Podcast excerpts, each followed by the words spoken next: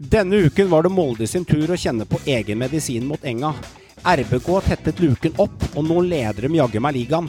Kristiansund står med tre 1-0-seiere på rad. Vips, så er de med høyt oppe. Odd og Sarp hadde ikke vunnet på en evighet. Der kom seieren for begge to. Alle lagene i ligaen har nå tapt minst én kamp. Alle viser seg menneskelig når Eliteserien er godt i gang. Og Brann fikk sin etterlengtede seier. Endelig og høyst nødvendig. Velkommen til en ny episode av Synseligaen.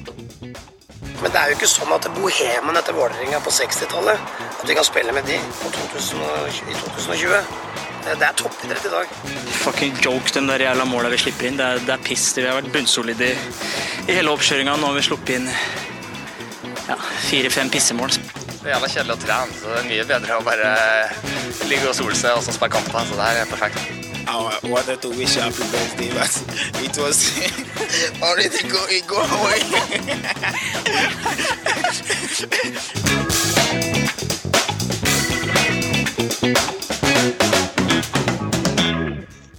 23 mål i denne runden. Herlig med en fersk episode før sommerpausen slår inn.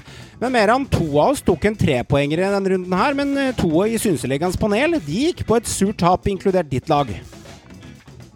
Ja da, fort nede på bakken igjen etter uh, Brann-seieren sist. Eh, sånn er det. Men eh, alt i alt fornøyd med poengutdelinga fram til nå. Selvfølgelig litt surt med tapet i går, selv om vi gjorde en vanvittig bra førsteomgang. Men en elendig andre omgang. Så da, da ble det tap.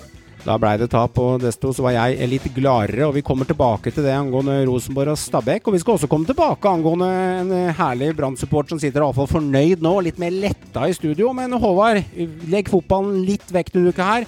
Grilling, sol i lufta i Lier. Eh, har det blitt eh, litt mer trøkk på, trøkk på hverdagsgrillinga nå? Hvordan står det til? Du, arbeiderklassegrillinga, den er på plass. Og nydelig med en eh, sommerhelg med sol, sommer og grilling og god stemning. Og ikke minst at mitt kjære Brann endelig vant en fotballkamp igjen.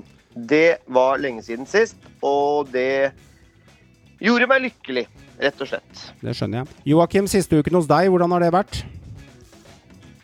Nei, den har eh, vært uh, dårlig. Dårlig? Sånn fotballmessig. Ja. Det har jo ikke vært mye å juble for. Nei. Jeg hadde en midtukekamp som ikke gikk min vei, og så jeg da Ja, Brann Godset. Det var jo den dårligste kampen Godset har spilt i år. Så det er klart eh, det kunne vært bedre, men bortsett fra fotballen så har det vært en god uke. Da har jeg vært fornøyd. Det er herlig. Jeg registrerer også, Håvard, at uh, disse fotballagene land og strand rundt, de, uh, etter at uh, godeste Bakenga og flere profilerte eliteseriespillere har gått ut og meldt litt om bredden, så har det vært en stor diskusjon i det siste, så ser jeg at det nå begynner å hagle opp med ja, rett og slett breddedrakter på lagbildet før kampene. spesielt hjemmelaget stiller opp i elleve blanke, flotte drakter der med forskjellige lag fra lokalområdene. Så det begynner å skje litt der ute nå, og det begynner å skje litt bevegelser også. Og i din ånd, det var vel jaggu meg på tide? Jeg syns det er på høy tid at toppfotballen eh, omfavner eh, bredden og eh, viser hvor de står når det gjelder den saken her med at bredden fortsatt er stengt. Så jeg syns det er en flott gest fra toppfotballen. Og så mener jeg samtidig at det er på høy tid at de viser hvordan de står i denne saken og sitt standpunkt. da. Det er vel egentlig det jeg har å si. Så skal vi ikke gå masse inn i dybden her. Men, men nå får nok være nok. Og så håper jeg at uh, sånne påfunn, uh, sånne uh, markeringer, også vil hjelpe de 50 000 som fortsatt ikke får lov til å spille fotball.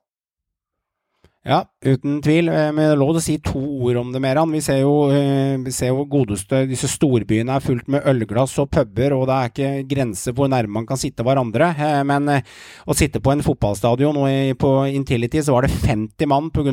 Oslo-reglene er ganske strenge. Noen, stemmer ikke det? Var det 50, hvis ikke jeg tar helt galt? Jo, og så stemmer vi at, eh, stemmer vi at de andre hadde 600. Eh, Det er jo Det føles jo litt eh, unfair hvis man ikke går inn i dybden ordentlig og ser her, for det er egentlig puber som virker som de har hatt 600 mann inn døra her, ja. Ja, så skjønn det den som kan, da. Jeg er så drittlei hele greia. Altså alt det nå. Eh, personlig som er Jeg er jo godt inn i breddeidretten, Håvard òg. Håvard trener i laget, og jeg er med han på, i trenerteamet. Det, er så- Mm. det er så dritt leie nå. Mm. Det, er, det er jo nesten sånn at det ikke er gøy lenger. Nå øh, er jeg redd vi får mannefall snart. Mm. Hvis noe drastisk ikke skjer, og nå må de komme i gang. Det er alt jeg har å si om det. Men du som breddemann, Meran, føler deg spytta på av regjeringen med tanke på at eh, du kunne, Ja, selvfølgelig. du kunne akseptere er reglene en stund? Nei, du kunne akseptere Ja reglene en stund, men nå har du begynt å gå langt over Nå har det gått over et år. Det har gått over et år, Ja. og, og som sagt, jeg kan lite om politikk, men uh, det er et år hvor vi har blitt pissa på av både Nakstad, Abid og, og nå Bent Høie sist. Så det må man bare akseptere. Og så okay. får man bare fortsette å presse på sånn som eh, mange gjør nå. Og så må man håpe at eh, det når fram til slutt. Mm. Nei, eh, jeg må bare, bare si det at eh, det er eh, rett og slett meget kritikkverdig hvordan eh, folkehelse og da breddeidrett blir prioritert. Fordi at eh, du må faktisk se lenger enn kun en idrett eh, i, bredden som ikke er profesjonell. Det er eh, de glade amatører. Men, men breddeidrett er så mye mer viktig enn en kun en idrett. Det er folkehelse, psykisk helse, møteplass, sosial arena. Et sted som, som holder deg kanskje på matta. Du, du Altså, nei. eh, Det er så viktig for så veldig mange. Det er 50 000, som sagt. og det er også de glade amatører, sånn som oss i Sjundiv, eh, som spiller fotball for gøy. Og, det er veldig veldig viktig å ha en arena å gå til. Men også er det veldig trist for de som er, er kanskje i starten av karrieren sin, som er nettopp blitt 20 år, som er et kjempetalent f.eks. i tredjedivisjon, og som uh, utvikla deres har stoppet fullstendig opp i snart ja, ett og et halvt år. da. Og Solomon Ovuso er et godt eksempel på en spiller som har tatt veien via bredden. Bare for, for fem, fem år siden så var han i sjettedivisjon, liksom. Mm. Og hvis dette her, dette her har vart lenge nå, dette her har garantert mista noen talenter på veien som ikke orker og har motivert til å, å holde stand. da. For at det, sånn som oss, vi trener én gang i uka, mens tredjedivisjon så er det tre-fire ganger i uka. Og så skal du stå der og slå pasninger og skyte på mål. Nei, nå må det skje noe, og nå er det på høy tid, altså. Mm. Det er på høy tid. Det var også på høy tid eh, at eh, Odd tok en seier, men hvem skulle tro, eh, Joakim, at eh, den skulle komme mot Bodø-Glimt eh, på hjemmebane der? Og den eh, kom seint, men eh, den kom godt, da. Ja, det kan du jo si. Eh, og så er det jo Nei, altså, det, jeg, det er ikke så veldig overraskende å komme. Det er sånn, jeg føler det er en sånn typisk kamp som Det er, det er Odd. Det er sånn jo, det er jo litt overraskende. Ja, det er selvfølgelig er det overraskende. Måten Odd har starta serien på, har jo ikke vært imponerende i det hele tatt. Ja, ja. Uh, og Bodø-Glimt har man liksom Men Bodø-Glimt har vist svakhetstegn uh, tidligere i år. Altså, De har gjort en god start, men det har liksom ikke, de har ikke, du merker at de har ikke det samme drivet de hadde før. Mm. Eh, de styrer ikke kampen på samme måte lenger, noe som ville vært rart da, med tanke på spillerne de har mista. og De har jo fått inn gode erstattere, men de har jo komponert ny, et nytt lag. Mm. Men eh, ja, nei, det er artig. Eh, egentlig litt eh, gøy å se at Odd kommer litt i gang også. Og det igjen, da, spille igjen på det vi sa sist. Altså, jeg føler ikke akkurat at denne runden her uh, var noe mindre indikasjon på at dette blir en sånn alle slår alle-sesong. Det føler jeg ikke. For det føler jeg absolutt at denne runden har vist det.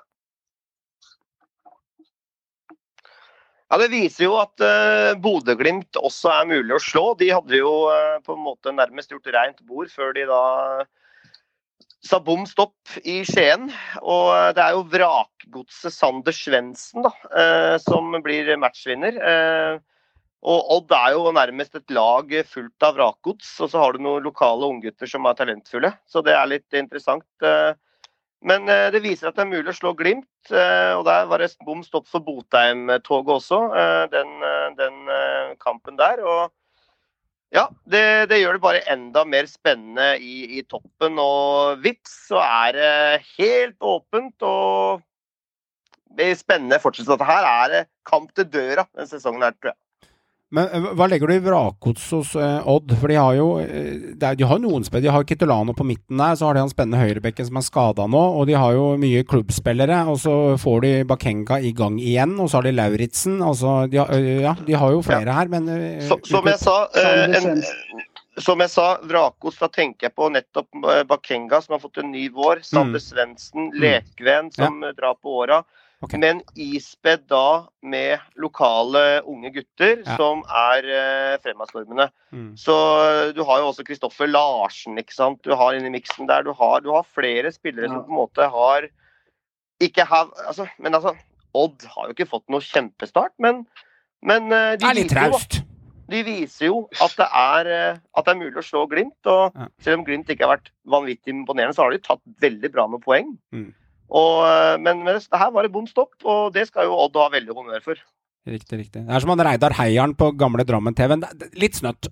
Det er litt snøtt. Og jeg føler noen ganger litt det Odd at det er vanskelig å lage tippe òg. De kan plutselig vinne på Lerkendal, de kan tape mot Tromsø, de kan slå Viking, de kan tape mot Brann. Det er et vanskelig lag å ha kontroll på, Meran. Men Botheimen han har rekord nå. Det er fem av fem på de fem åpningskampene. Så gutten har jo stått til 20 i stil, som han sier i hoppspråket. Og han har jo produsert en seks-sju sjanser, hvis jeg er litt game med han. Altså effektiviteten Mm. eh, til denne Oslo-gutten, den er høy. Ja da, det har løsna for han nå. Det bare kjipt eh, idet jeg skulle ha han inn på Fantasy, da, da stoppa han. Da stoppa han å skåre. Men, eh, men nei, fra spøk til alvor. Det, han har hatt, eh, vist seg fra en veldig god side de første seks kampene. Han har det. Og fortsetter han i det steget her nå, så, så får han fram det potensialet du så inn for mange år siden. Mm, mm. Og virkelig. At, eh, jeg tror han trenger det òg. Jeg tror han trenger at det løsner for ham. Fordi vi har egentlig aldri sett noe til ham utenom den hat tricken eh, mot Tromsø for Rosenborg for mange år siden. Ja. Så, så det, det, det er vel på tide nå at, eh, at det løsner for ham. Og så kan vi heller ikke regne med at gutten skal skåre i hver eneste kamp. Det ville vært helt sinnssykt. Da hadde han hadde han eh, altså skåret i ti, mål på, ti kamper på rad, liksom, så hadde han vært solgt. uh, på en måte, så, så vi må jo på en måte stikke fingeren litt i jorda. Men det er meget imponerende det han har gjort. da. Og så er det ikke rart at det blir et par kamper uten skåring òg. Kom meg en informasjon for øret for noen dager siden, så jeg ikke nevner kilden her, men jeg vi kjenner jo litt fotballfolk som Håvard også, og Meran og Joakim og jeg gjør, ettersom vi driver denne podkasten, så det dukker jo opp litt historier. Vi går i en liten historie om at når, Rosenborg skulle velge seg en eh, ung spiss for noen år siden, eh, så valgte de Botheim foran Braut i forbindelse med at det var en av dem skulle gå til Rosenborg når han spilte i Bryne og Botheim var nede i Lyn. Rosenborg valgte Botheim den gangen, og Braut han dro til Molde. Den historien kom til meg for noen par dager siden. Rosenborg gikk da glipp av Braut, hadde sikkert aldri fått den til, og de klarte å surre vekk Botheim også. Så det sier jo litt om nivået som eksisterer, så øye for talent er vanskelig. Eh, Joakim, eh, Molde eh, så ut til å ha Rosenborg i kne der. Det gjorde de også, og vant borte for noen runder siden. Og Da satt jo jeg med nervøst svart og hvitt hjerte, eh, Joakim, og så endte det med at jeg tenkte at vinner Molde neste kamp, og Rosenborg får en kjip U, så er det plutselig fem-seks poeng på tabellen. Men så er det dette med den magiske, vakre eliteserien, den fine løveemblemen, da. Det blir ikke sånn. Molde går på et tap, får dem i ræva av Vålerenga, som de tok Rosenborg eh, eh, De går på et tap, ja, mot Enga, og så får de en U Ja, ja, for det har jo gått to runder nå siden sist, og så får de en U i runden etter, så på to kamper så sitter de med ett poeng, og vips, så er vakre trønderne forbi. Ja, altså Kampen mot Enga det er liksom sånn, altså det var jo, det er litt sånn toppkamp. Det skal jo være det. Vi har alle vi har jo lansert Enga som en kandidat til gull. Mm. Eh, Så det er klart, Der viste jo Enga i den kampen hva de faktisk altså de, de kan funke. Altså På sitt beste så er det et lag som slåss mot de beste. Den siste kampen og derimot, det er jo rett og slett eh, Da fikk vi endelig se Mjøndalen på sitt Ja. beste igjen. Ja, ja. Fordi det har vi ikke sett. Men da har du den derre defensiv struktur, kjemp blø, bare løp av alt du kan. eh, og liksom ødelegg spillet til motstanderen mest mulig. Eh, og det er litt det som eh, Mjøndalen har tatt poeng på før. Altså, du må liksom, her må du snakke om å gå litt i gå litt jorda, liksom. Finne ut hvem du er. Mm. De må tilbake igjen dit hvis de har planer om å overleve i Tippeligaen. Eh, Eliteserien. Det er gammel vane. Vonde venner. Men nei, det er Jeg syns det jeg si Hva skal man si, da? De burde jo ha vunnet. altså De fikk jo et feilaktig mål. så det var jo, Den ballen var jo inne med 20 cm, så det er jo helt krise. Den var inne, ja. At ingen blåser på den, det er jo det er, altså det er jo en dommerfeil ut av den verden. Han gikk vel ut i dag også og anerkjente det selv, hvis jeg ikke så helt feil. At han dreit seg ut på det. Og det, han kan jo ikke si noe annet. Altså, herregud, det, det var jo så åpenbart når du så reprisen. Det er vanskelig i kamp, ja, greit. Men eh, Mjøndalen forsvarte seg bra og spilte Mjøndalen-fotball. Eh, og Molde fikk jo strengt talt ikke til veldig mye. De gjorde ikke det. Eh, så ja, hva skal man si? Jeg tror heder og ære til MIF der. De gjorde jobben. Jeg syns jo det er, det er litt uh, pussig det her med fotball, sånn som Vålerenga og Molde der. da, Når Vålerenga liksom De må vinne for å henge med. For at hvis Molde hadde vunnet den kampen der, også med tanke på Rosenborg og, Glimt òg, så Molde var jo liksom virkelig i gang når de klarte å vinne på, vinne på Lerkendal. Så er det da nå to kamper på rad der de ikke er vunnet, og Enga da vinner to på rad. Og plutselig så er de meldt seg på igjen, og det virka nesten litt sånn Ikke, ikke hekta, men dere skjønner hva jeg mener. De, med tap mot Molde der, så er jo ganske mange poeng bak. Og RBK samme, litt det samme leksa, som da går på tap mot Molde. Men vips, så er ting snudd på hodet. Og nå er det RBK plutselig som er i førersetet. Eh, så eh, nei, det, det, er, eh, det, er, ikke overraskende, men, men samtidig så virka Molde så solide. Men så ser man at det er mulig for de mindre lagene å få med seg noe. Når, når innsats og trøkket og, og, også litt marginer må være lov å si. For det er jo snytt for en skåring der. Men samtidig også, det er kanskje også MIF snytt for straffespark, muligens. Mm. Eh, så det er, bare, det er, bare, så tett, da. Så du må virkelig, virkelig være på i hver eneste kamp her, altså selv om du møter et såkalt bunnlag. Mm. Tror du Vålerenga, Håvard, hvis ikke de hadde tatt den kampen mot Molde, tror du, de, tror du de kunne sagt ha det da med de eh, sju-åtte poengene til, til hele tatt? Gullet hadde kanskje vært kjørt, men tror du de hadde fått røft med å henge med på toppen nå, med tanke på at Rosenborg har fått de poengene nå? Ja, jeg, jeg, tror det, fordi at uh, den kampen var så essensiell for begge lag. Molde kunne på en måte få et skikkelig grep om på en måte topplasseringa. Det er jo mm. tidlig ennå, selvfølgelig, men det hadde vært mange poeng foran Vålerenga. Og med tanke på også RBK, uh, som de også hadde passert. og De har riktignok en kamp til gode, vi skal ikke glemme det. Og hvis de vinner den, så er de likt med RBK, mm. hvis ikke jeg tar feil. For da har de 14 poeng, de også. Så det er jo ikke på en måte, de er ikke hekta, selvfølgelig, men de kunne hatt stilt seg sjøl i en veldig god posisjon.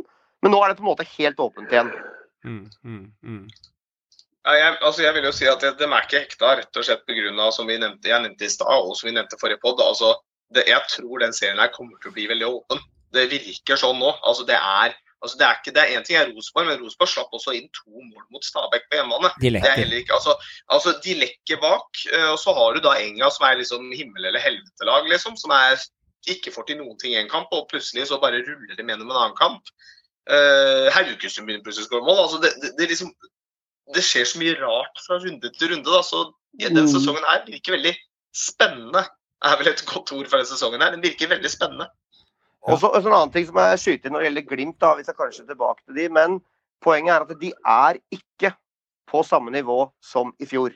Det er tydelig å se. Det er et veldig godt fotballag fortsatt, men den trioen foran er ikke i nærheten av den trioen foran i fjor. Så der, der, har de litt å jobbe med. Selvfølgelig Botheim er levert, men Solbakken og Sørli holder ikke samme nivå som Jeppe Hauge og Sinkernagel. Det er helt klart.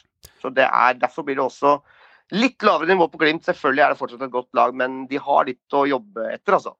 Du har rett i det du sier, Håvard. Får Molde en seier i hengekampen? Eh, det samme kan faktisk Kristiansund. De kan, eh, de kan eh, gå forbi Rosenborg, de. Og Bodø-Glimt har også en kamp til gode. Men da er det en gang at de skal vinne disse kampene òg, da. Så jeg er egentlig fornøyd som RBK-supporter å stå med de 14, og Molde har 11 og de andre har 12. For det er jo ikke bare å møte opp her heller. Men et lag som vi gjorde litt narr av de første rundene og lurte på hva de egentlig dreiv med, med ham, det var jo Kristiansund. Har ikke sett ut i vinter. Mm. Så disker de opp nå, er faktisk det formlaget i Eliteserien. De har fire seire på rad. 1-0, 1-0, 1-0 og 2-1. Så arven, eller legacyen etter Pellegrino øh, Hvem skulle skåre målene, hvem skulle gjøre dette her? Men der denne Bendik By dukker opp, og Seit med tre 1-0-seire på rad. Og det er tett bakover. Back to the roots. Det er jo det KBK har gjort nå. De går tilbake til ja, sånn som de egentlig spilte før Pellegrino kom, da. Litt mm. tilbake til trøkk og tæl, kjempe. Eh, slå bakenfra, opp, lage en bølge, ny bølge, ny bølge igjen. Prøve å få noe ut av alle situasjoner, da. Eh, så for all del. Jeg tenker det egentlig var lurt, med tanke på at de er i en periode nå hvor de ikke helt veit hvor de har hverandre, og hvor hvilke spillere de nødvendigvis trenger på topp der eller på sidene. Så nei, jeg, jeg tror de har gjort det fornuftig og gjort det ganske bra. En bra, sterk åpning av kampen. Mm. Er jo egentlig akkurat dette her, her Christian Mikkelsen snakka om etter at de gikk på de eh, blemmene i starten av sesongen, når det ikke så ut. Vi må finne tilbake til KBK-DNA og starte litt på nytt, på en måte, og finne oss sjøl. Han var jo innom akkurat dette her. Og det ser du nå at de på en måte har funnet tilbake til. Akkurat som Meran sier, det er gamle KBK før Pellegrino. Seigt, hardt, hardtkjempende lag som på en måte er veldig veldig vanskelig å spille ut, og veldig kyniske. Kanskje det mest kyniske laget i serien på mange måter. Og, men underholder ikke, men det forventes heller ikke nå. ikke sant? Så det er på en måte litt der, litt der vi er. Det, det er et sterkt kollektiv som er vanskelig å bryte ned. Og noe de resultatene viser. Ja, Første runde så møtte de Molde. Tap. Eh, en kamp du normalt ikke skal vinne. Så møtte de Bodø-Glimt. Eh, de tapte den. Du skal heller egentlig ikke vinne den ut fra Bodø-Glimts favoritter. Men så kom det en perle på en snor. Tok Enga borte. Vanskelig kamp. Skal egentlig ikke vinne den, men de vant. Og så kom disse tre 1-0-seierne mot overkommelig motstand som eh, Godset. Sarpsborg og Lillestrøm. Så de har vunnet de kampene mot de antatt lagene på tabellen som er under dem, og det gjør at de er oppe og nikker, da, og de er helt i toppen der, så det er veldig imponerende det som uh, Så er jo han eh, Altså, treneren er jo en sjarmerende kar, da. Går ut, i, eh, går, går ut ved fjøra der og sparker litt på steinen og kikker litt på vannet og forteller om at her er det guts og tæl å finne tilbake. Han byr jo bra på seg sjøl, man blir jo glad i han, og han har jo Han virker som han har en vinnerskalle mer, han, og en ganske sånn sleipnes i måten å sette opp jobber med lag på tross alt sin unge alder. For dette er jo ikke en ringrev på 64 år som har vært med i 30 år i fotball. Tanker rundt det, Håvard? Med, alder versus erfaring og taktikk? Altså, Christian Mikkelsen er undervurdert som trener. Han har øh, han, han, kommer liksom litt unna med det òg, med den derre øh, joviale fremtoninga. Mm. Og så er det en skikkelig kyniker, taktiker i, i bunnen der, som, øh, som, på mange måter har evna å få mye ut av lite. så ærlige må vi være. Det, det er ikke ofte det er noen store signeringer. Vi skal ikke glemme at når Pelleberg eh, henta òg, så var han en liksom avskrevet spiller i Strømsgodset som ikke hadde fått det til. Mm.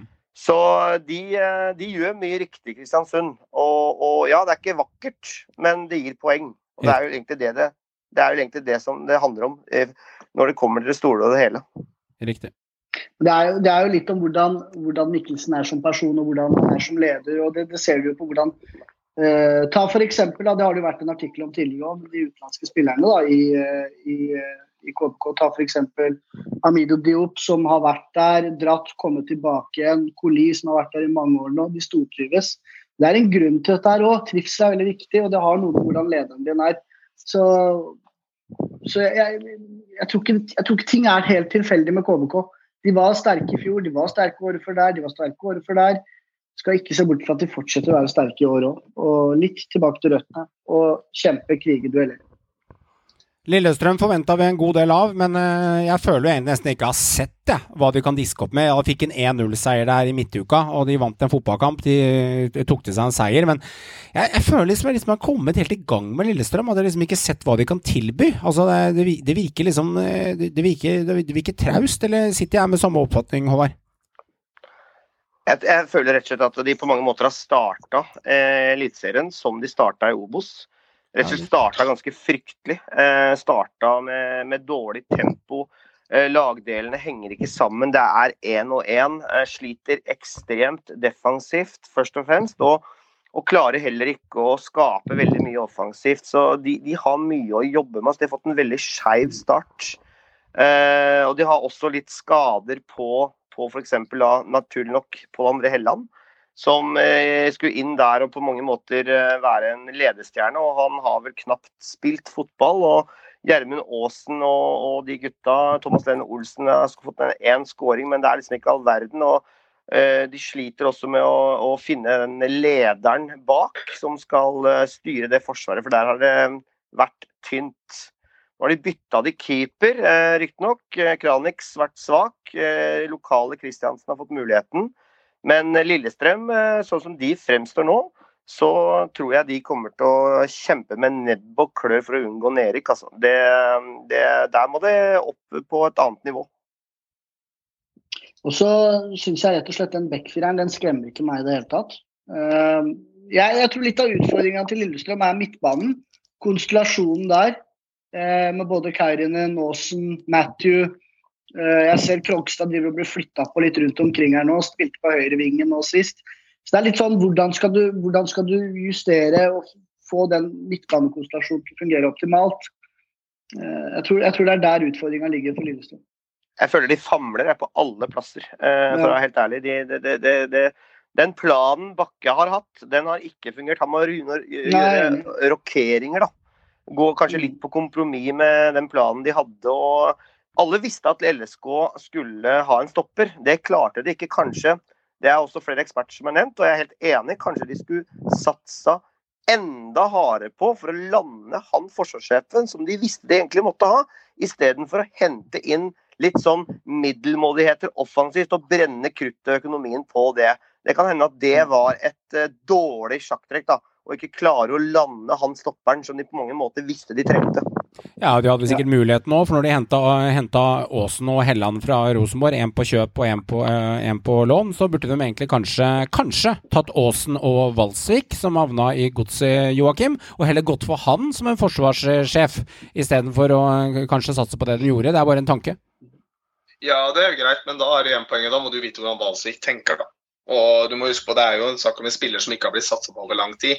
Eh, han går til sannsynligvis den klubben han føler seg tryggest på, for Mm. å få mest mulig ro.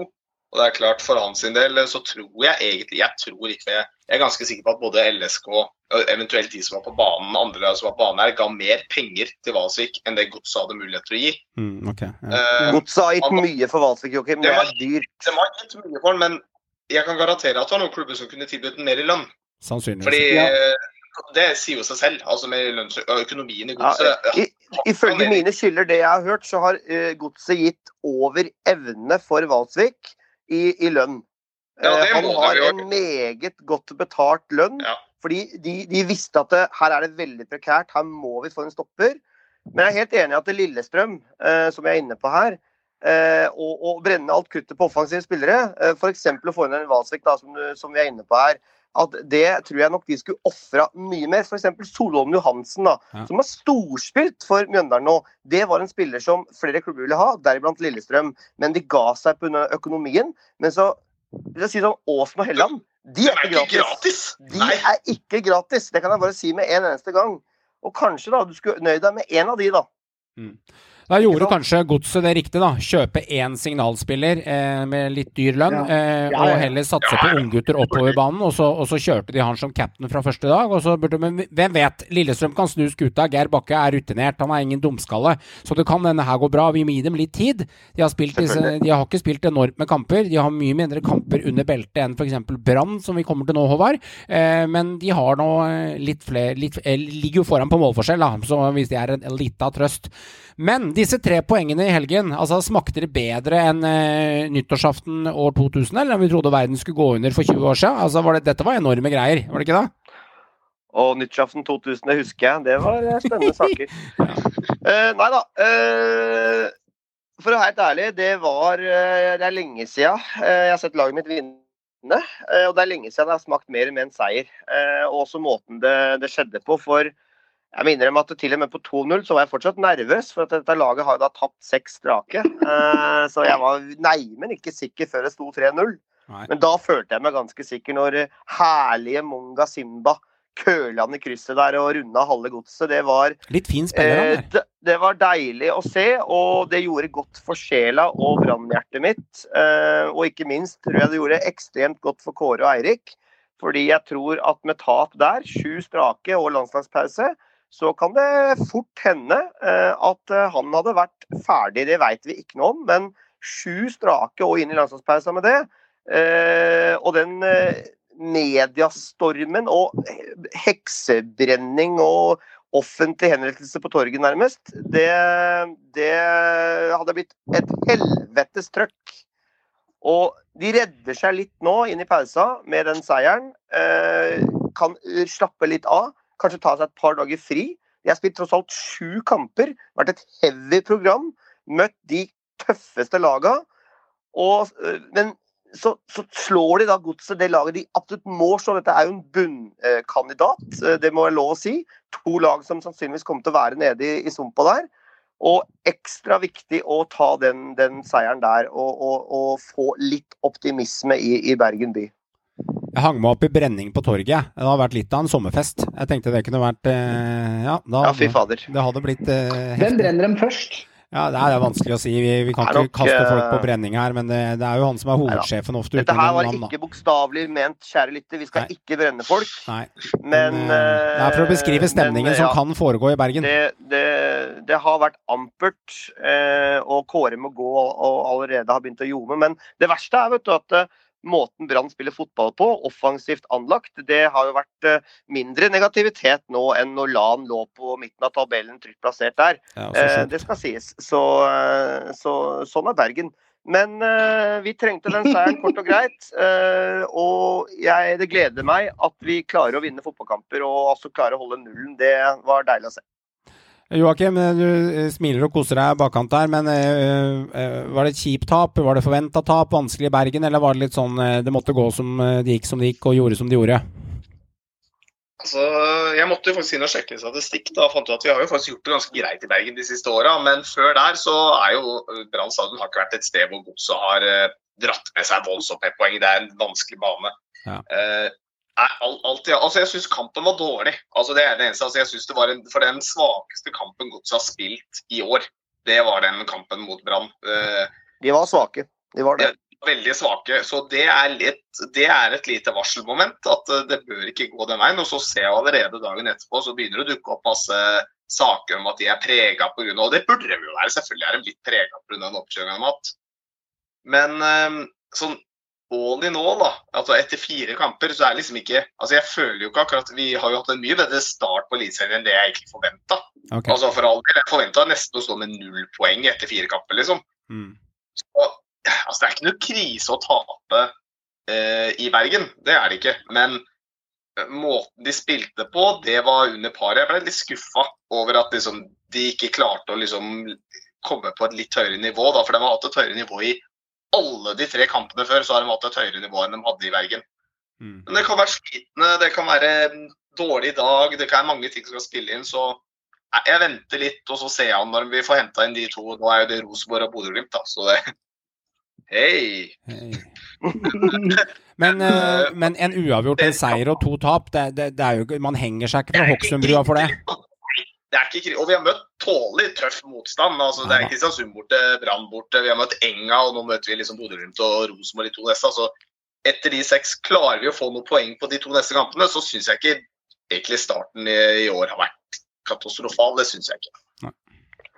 Jeg syns uh, fortsatt, da, selv om han ikke fikk det stort nå, har en horribel involvering, eh, Fred Friday, så syns jeg han isolert sett eh, er, eh, ser ganske frisk ut. da. Om det er noe trøst for godset. Jeg syns jo han, han virker egentlig i form, selv om han har en horribel tversoverpasning som, som Monga Simba plukker opp og scorer på. Og Raider en fin, og setter en fin eh, scoring. Men, men godset hadde ikke mye å by på offensivt. Det hadde de ikke. men men jeg tror ikke de skal bruke lang tid på å på en måte finne på liksom sånne bortforklaringer. Her er det hardt arbeid og litt tilbake til, eh, til der de var i serieåpninga, der det var eh, flott angrepsspill og virkelig en god innsats. Så, så har riktignok også Godset fått litt skader nå, og som de merker eh, Jonathan Parr starta meget bra i de første kampene. og var liksom gamle Jonathan Parr på bekken der. Kom gang etter gang på, på, på overlap og på siden der. Men, eh, men Godset har en tynn stall, og de tåler ikke mye skade på etablerte spillere. og Nei, eh, jeg er spent på det godselaget fremover. For jeg Riktignok mot eh, Brann, eh, så, må du på en måte henge med. Dette er et lag som har tapt seks strake. De var ikke i nærheten av å få med seg poeng. Selv om Brann har vært nære poeng både mot Glimt og RBK, så, så var Godset skuffende sånn objektivt sett. Eh, Så var det det. De, de, hadde ikke, de hadde ikke mye å stille opp med i går. Helt enig. En liten rettelse. De har ikke møtt Enga, eh, de har møtt Lillestrøm. Eh, og de har møtt eh, Kristiansund borte. Og så har de møtt Tromsø og møtt Brann. Dere har møtt lag som ligger rundt Ja. Det litt sånn, eh, hva tenker du om det, Joakim? Nei, det møtt- var kanskje, kanskje ikke det. Nei, jeg sitter jo og ser her, så Men, men, det var en treningskamp. ja, Glem det. ja, men jo uansett.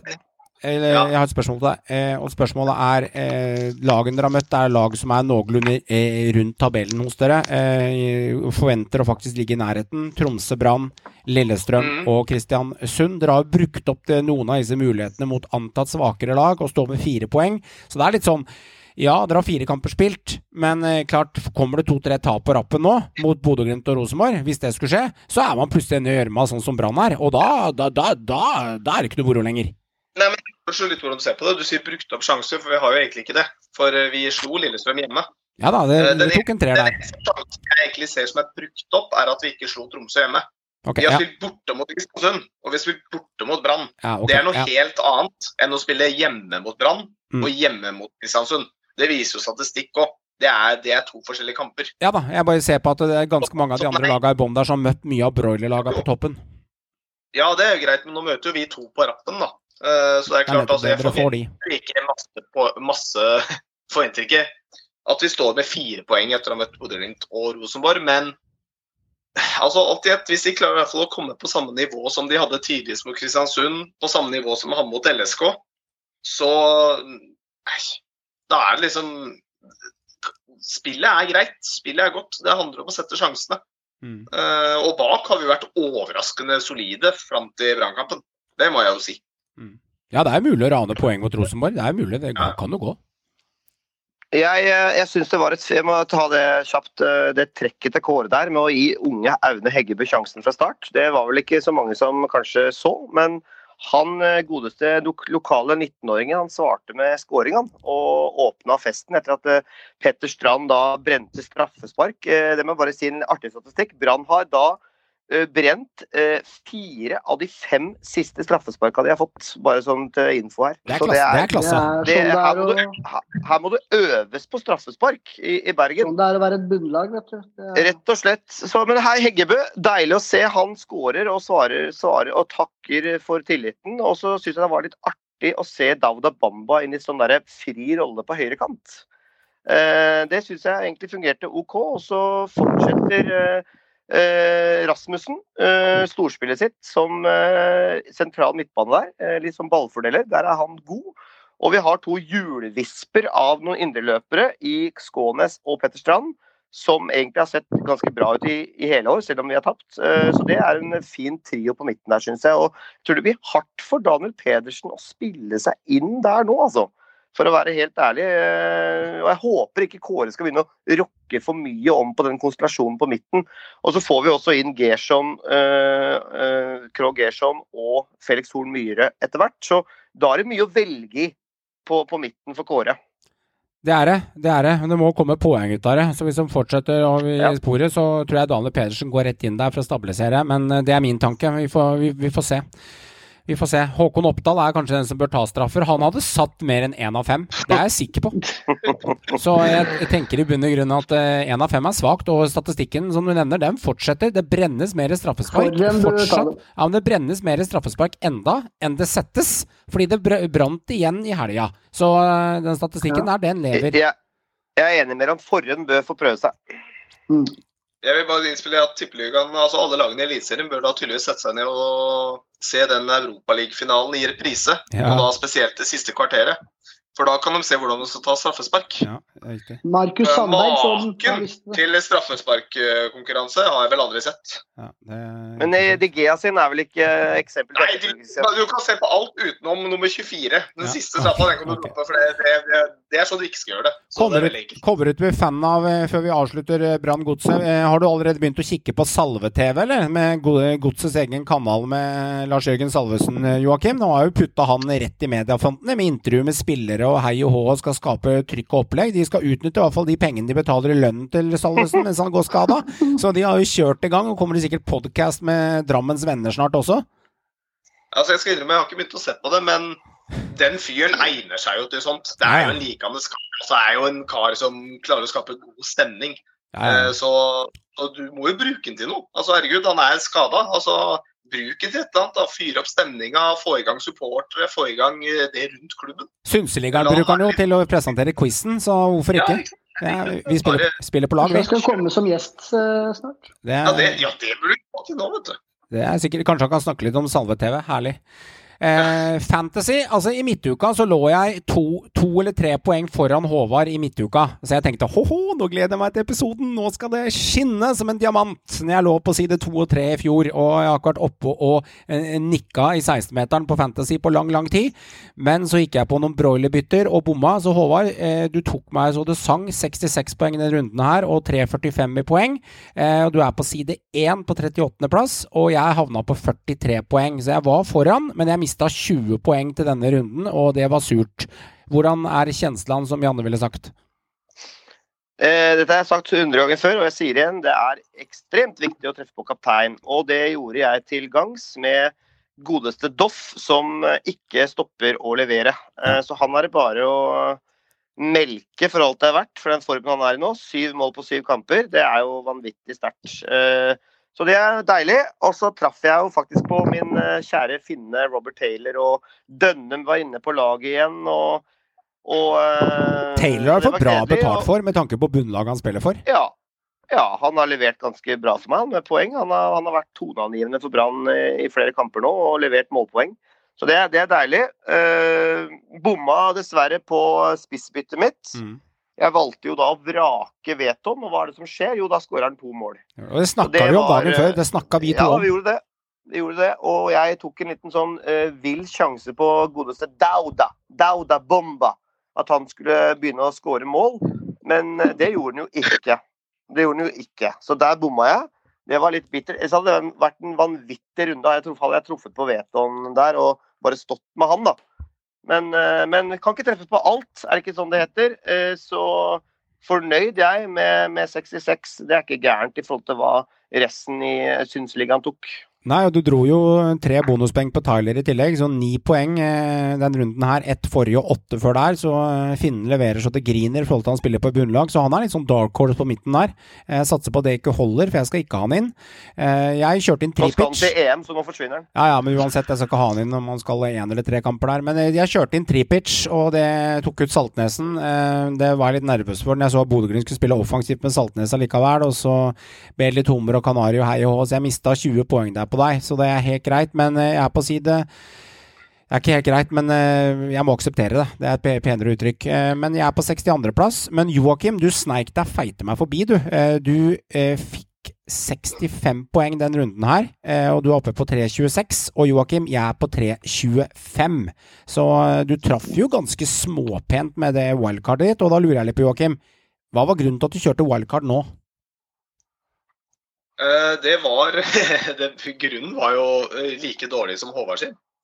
Og din. Mm. Altså, Jeg er jo en miks av dere. Mm. For jeg tok jo ut Saltnes.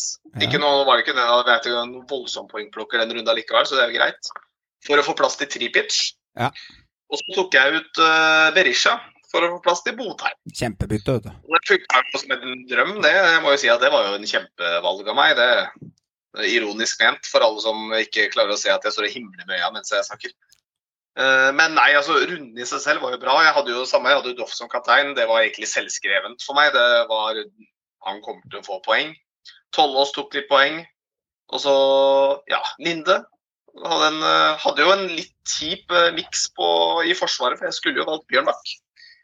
Men han satt på benken og losa inn seks poeng på benken, mens Nilsen og Bjørkan ble stående med skjegg i postkassa i Men forsvaret. du kjørte inn, du kjørte inn Tollås Nation, og den er litt småfrekk. Han er, ganske billig òg, 5,6 mil, og han har Han faktisk tre eh, Han har to skåringer og én assist på de siste tre matchene, så han er jo livsfarlig i tillegg til at han skaffer seg bonuspoeng, da, så den var frekk. Han er en poengplukker, Han er det. eh, så det var litt av tanken der. Eh, jeg Han er skadeutsatt, litt, av det som er så dritt med han. Men sant, du har Bjørnbakk, da, så du har noen til å komme inn. Ja, du har det. Men eh, nei, altså helt OK runde. Jeg havna på 65 poeng, så jeg og Håvard gjorde i prinsippet helt, eh, så å si helt likt. Ja. Men eh, nei, jeg er litt Det er jo typisk. Jeg må nesten si unnskyld til alle de som har Botheim på laget, at eh, jeg smalt inn Botheim nå, for da gikk det jo rett på dass. Det, Ja, men det er sånn, eh, det er sånn eh, som man ofte sier om sine egne valg. Altså, sånn er det. Men du hadde, jeg tror du hadde kjørt Doff som kaptein uavhengig om du hadde kjørt valgkart eller Det hadde jeg gjort. Ja, så du, Eh, du er sånn, Jeg hører at du er mellomfornøyd, egentlig, fordi at du jeg er mellomfornøyd. Riktig. Riktig. tok OK. Ja. Og Meran, eh, jeg har jo hatt Doff som kaptein i to-tre runder, og det har jo Håvard hatt, og Jo- Joakim har skiftet litt forskjellig. Så gikk de to Rosenborg-haterne der over til Doff og plukka reint bord, mens jeg har Doff i laget, selvfølgelig. Eh, og jeg kjørte jo ikke han som kaptein, tenkte jeg skulle diffe litt og kjøre Botheim, og det gjorde du. Og de 20 poengene som vi mista i terreng, det tapte vi på kapteinsvalget vårt. Da hadde det vært eh, 17 der som jeg henta ekstra, eller hva det var. Så det er den jævla kapteinen, Meran, eh, som, er, som avgjør mye her. Det er ikke bare Ja, det er det. Det er definitivt kapteinen. Men for min del, jeg har jo drevet og kødda litt eh, de siste rundene, jeg òg, da. Nå må jeg slutte å kødde. Men jeg, for to kamper siden så tok jeg inn Koblenko, for jeg tenkte nå skal jeg diffe litt. Jeg vil. Og så havna jeg i en situasjon hvor jeg sist runde bare Oi, jeg har ett bytte. Jeg må få inn Botheim. Så jeg tok ut Berisha, satte inn Botheim, og så lot jeg bare Koblenko spille, da. For jeg tenkte ja, ja, kanskje han får en omgang på, på Lerkendal og skårer. Det skjedde jo ikke. Så neste runde så må han ut. Eh, men hvem, hvem jeg skal erstatte med, er usikkert. For nå sitter jeg med Koblenko, Ebie og Botheim. Men jeg har dritbra midtbane, da. Jeg må- Jeg må, jeg må jo smile av deg, Meran. Koblenko fikk tolv minutter på Lerkendal når kampen var knekjørt. Og så hør på dette her. Hvis det er en lytter der ute som har eh, Koblenko, så ta Det er kontakt. bare jeg. Så, nei, så ta kontakt på Instagram med meg, eller på Twitter til meg og Håvard, og screenshot eh, laget ditt, og send det over til oss. For det er 0,1! Hør nå, du er vill, vet du, Meran. Du, har, du, har jo, du er helt vill i nikkers, som man sier på afterskin. Fordi eh, du Jeg har det, diffe, ikke sant? ja, men det er 0,1 i Norge som har Koblenko, og så koster mannen Ja. 7 mill! Altså, det er jo en ganske decent Benjamin Stokke du får i bordet her for de penga, og mye sikrere Han kort. er bedre enn Benjamin Stokke. Ja, det er jeg usikker på, ass. Men det er jo han fyren som sitter med prising her, da. Det er jo helt sjukt med sju mill. Men det er du som sitter med valget, Meran. Han kan prise mye han vil, men du Men må jo velge. tenkte, jeg tenkte jeg skal diffe. Han her har jeg trua på. Ja, ja, så jeg har ikke fått spille Greit. mer enn 17 minutter totalt. Ja da. Men for å oppsummere, eh, Håvard, du har 20 poeng på oss. Du er på side 1. Side 2 så er Joakim med 3,26. Eh, Johan med 3,25. Det er ganske sykt. Og så ligger Meran med 3,20. Eh, og det er, eh, det er dødt løp mellom oss tre. Irriterende at jeg ikke hang på der på Håvard Stakka, men jeg skal rette på dette her og finne på noe ville krimsprung. Eh, og jeg må si at den som ligger Jeg sier bare sayonara, jeg. ja, ja, det blir sayonara. Eh, også det er veldig enkelt. Og den som ligger nederst av alle lag, det er Hvalfangerne med 115 poeng, med Kjetil André Johansen. Eh, du ligger på 186. plass. Eh, du er nødt til å begynne Sandefjord-supporter. Ja, sikkert. Han kjenner jeg. Han kjenner deg. Kjenner du noe, Håvard? Det er faktisk eh, ta, altså, tantebarnet til min eh, kjære samboer. Han har ikke fått noe god start. men jeg frykter at det er et dødt lag, for han har 115 poeng, og det skal ikke være mulig. Det er, for, det er eh, 20 poeng per runde. tror han bare har oppretta et litt sånn eh, lag han kjører hele året. Men uh, Olav Årdal han var med i toppen i fjor, uh, og han er med i toppen i år. Han ligger som nummer én, fikk 69 poeng med Årdal City FC med 390 poeng. Han har 10 poeng å gå på til Vegard Bjørgå på 60, med 62 når runden er og 380. Så eh, Olav Årdal han leverer i år igjen, så det er ikke noe, det er ikke noe tilfeldigheter at han ligger der oppe. Han har jo tydeligvis ganske kunnskap. Tabell... Ivrig lytter han Olav Årdal på mye norske podcaster. Veldig. Han, eh, Faktisk, Olai ja. han går igjen eh, overalt, han altså. Veldig, Han er veldig. ivrig.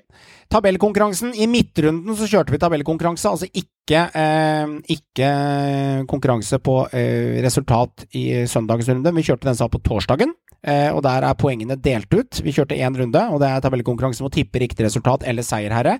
Meran, du fikk ett poeng for eh, seier til Rosenborg over Sandefjord. Bomma på resultat, men du får et poeng. Eh, Johan får poeng med Stabæk-seier over Brann. Jeg var ett mål unna å spotte den perfect. Der får jeg ett poeng. Og Håvard stikker av med tre poeng.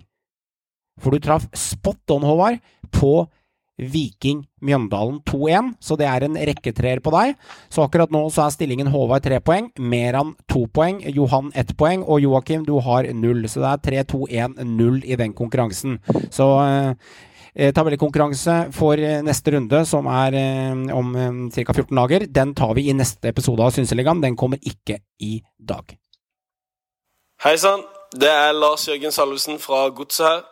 Nå er det tid for quiz, gutter. Spiss ørene, gjør dere klare. Nå skal det kjempes om poeng. Yes. Meran, du har en liten runde å hente hjem på quizen. Er du ready? Ja. Du har fra forrige uke. eh, Da får du litt ekstrarunde, og da kjører vi i gang. Og så veit du at det gjør i, i ditt tempo. Eh, Fleip eller fakta? Du er klar? Ja. Eh, Ayer har spilt i Celtic siden 2017. Eh, Fakta. Fleip. Når spilte han det?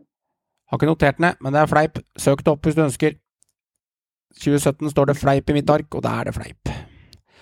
Ja. Hanke Olsen fyller 26 år i 2021. Det er fleip. Det er korrekt. Han fyller 24. Ett poeng er sikret. Ole Martin Årst har spilt i tre klubber i øverste divisjon i Norge.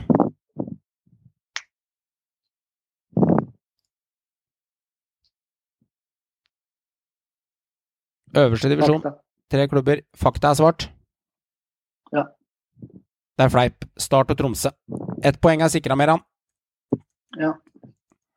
Da kommer du til eh, Kommer du til godeste mm, rosinen i pølsa. Målskårer. Fire. Hvem er akkurat nå tidenes målskårer i Haugesund? I Haugesund? Mm.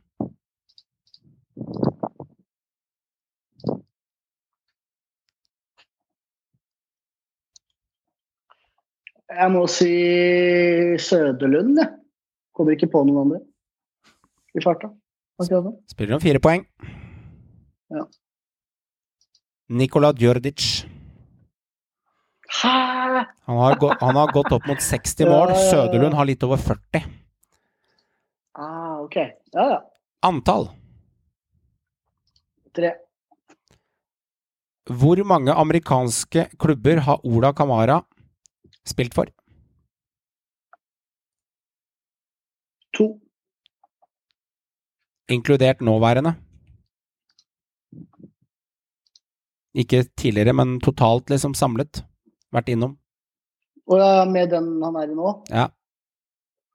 Står det på to? Ja, for han var der, og så gikk han der, og så Nei. Hvor mange poeng satsa du, min venn? Jeg sier tre. Tre. Jeg sier tre på tre. Holdt jeg på å si. Tre. Satser tre poeng. Og du går for tre. Ja. Jeg tror det er to. Jeg er sier tre. Tre ifølge arket mitt. Ja, der ser du. Vinner. Du fikk poeng. Ja. øh, fire. Nei, to. Unnskyld. Da kjører vi en toer. Kjetil Rekdal har fått Kniksen hederspris. Hvilket år var dette? Jeg har lyst til å si 2017. Så sier jeg det er feil. Jeg sier 2019. Svaret er 2018. To poeng West imellom. Da har du én og fem igjen. Det er en klassiker i quizen. Klubb. Ja, jeg går for én. Fin, fin tempo her. Kjører en ener i bordet. Hvilken klubber i Norge har Magne Hoseth spilt for etter Avhøyskameratene som første klubb? Etter Etter Avhøyskameratene. Den gjelder ikke, men det var hans første klubb. Den følte jeg var for vanskelig å ha med, så den tok jeg og inkluderte her. så skal jeg ramse opp alle lagene han har spilt for i Norge. Du skal ramse opp alle lagene han har vært innom i Norge. Uh, Du spiller ok. om ett poeng. Molde, Vålerenga, Stabæk, Viking, KBK, Notodden. Mulig jeg har glemt den. Mm. Du står på det svaret. Ja, jeg gjør det. Glemmer én. Ålesund. Hvem da Én. Han var innom der òg. hva var det. det var han, vet du. Mot erke, med, til erkerivalen. Det var vet du. Men det var ganske eh, godt eh, spottet. Det var ikke verst. Ja, ja. Det var ettpoengsspørsmål. så- Det var det. Nå kommer femmeren. Hvilken klubb Ja. kom John Shebiki fra når han signerte for Rosenborg? Det er femmeren som gjelder. Hvorfor har jeg lyst til å si Haugesund?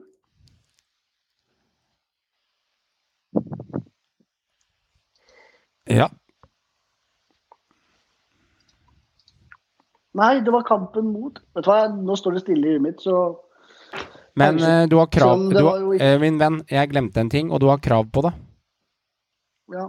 Du har krav på hintet, for det er en del av spillets gang, og hint er Sverige. Mm. Mm. Da er det ikke Haugesund mer. da. Da er det ikke Haugesund. Nei, det var, det var et eller annet han gjorde med Haugesund, eller mot Haugesund. Men uh... Et eller annet han gjorde med Oh. Haugesund, det høres bra ut. Men han fikk det over ja, Nei. eh, Hint er Sverige. Hvilken klubb kom. John Shibiki fra? Si Malmö. Det er hofta, jeg vet ikke. Så jeg sier Malmö. Sier Malmö. Svaret er Hekken. Hekken Ja. Da stikker du av med tre poeng samlet, men uh, du klarte da um, Ola Kamara. Så du har da tre. Det er fire poeng du får med deg herfra i den runden, så det gjør at du har 139 fra før av Meran, pluss fire. Da er du oppe i 143. Joakim gjorde en helt grei runde sist med 12, så han nærmer seg 132 på Joakim, 143 på Meran og 188 på Håvard. Da, kjære venner og fiender, kan vi kjøre dagens runde. Hvem starter, hvem er nummer én, og hvem er nummer to? Dette var ekstrarunden til Merando, siden han ikke var i forrige episode av Synseligaen. Ordet er deres. Jeg kan starte, jeg nå. Så jeg går nummer to, da. Da går jeg til sist. Da, kjører vi. Håvard, da er vi klare. Ja. Jon Arne Riise har flest landskamper for eh, norske herrelandslaget. Fakta. Det er korrekt. 110 i antall. Hjemmedrakten til fotballklubben Bærum er hvit og sort med striper i bånn. Fleip. Det er korrekt. Husker du hvilken drakt de hadde? Gul og svart striper. Jan Åge Fjørtoft ble kalt Fjøra. Fakta. Fem poeng er sikret. Joakim, er du klar?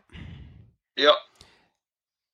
Sist gang Hønefoss var i Eliteserien, var i 2013. Da endte de sist på tabellen og rykket direkte ned. Mm, sist på tabellen? Nei. Jo. Jo, gjør det.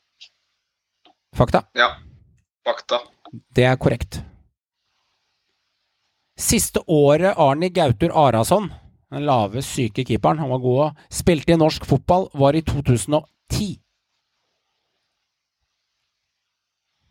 Åh, så lenge?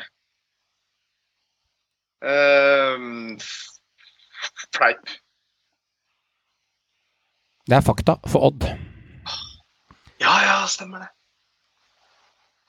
Jan Tore Sanner, politiker, og Bjørn Einar Romøren Hopper er begge Stabæk-supportere. Du kan få alt i, i, Det er nesten den mest ubrukelige quizen jeg har hørt noen gang. Hvordan skal jeg vite det? Ja, det må følge med, da. Følge med på nyhetskanalen og se på TV-en. Om det er fakta eller feil, det kan være bullshit, men det kan være er fakta. det 50-50 da, Joakim.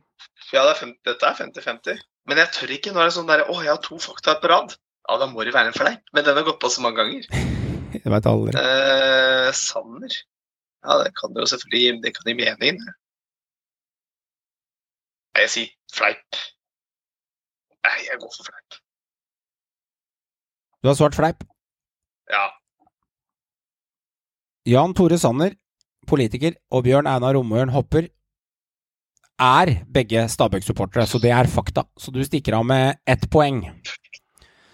Så eh, ja, det var ikke all verden der, men Aldri stolt på, aldri stolt på den der to, to pluss én. hadde Meran fått den med Jan Tore Sanner, politiker, og Bjørn Anna Romøren Hopper er begge Stabæk-supportere, fleip eller fakta, så hadde han eh, tippa fakta. Men Det kan den, tror jeg.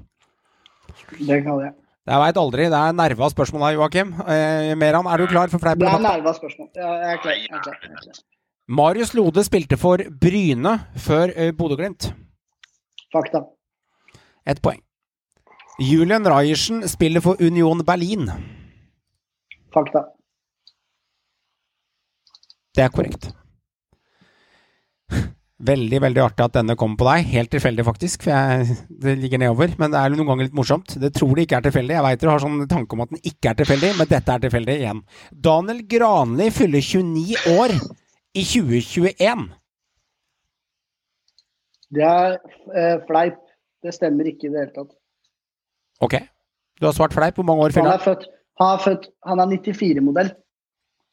Ja. Så han er to år yngre enn meg, så han fyller vel eh, Er det 27 eller 28? 28 vel?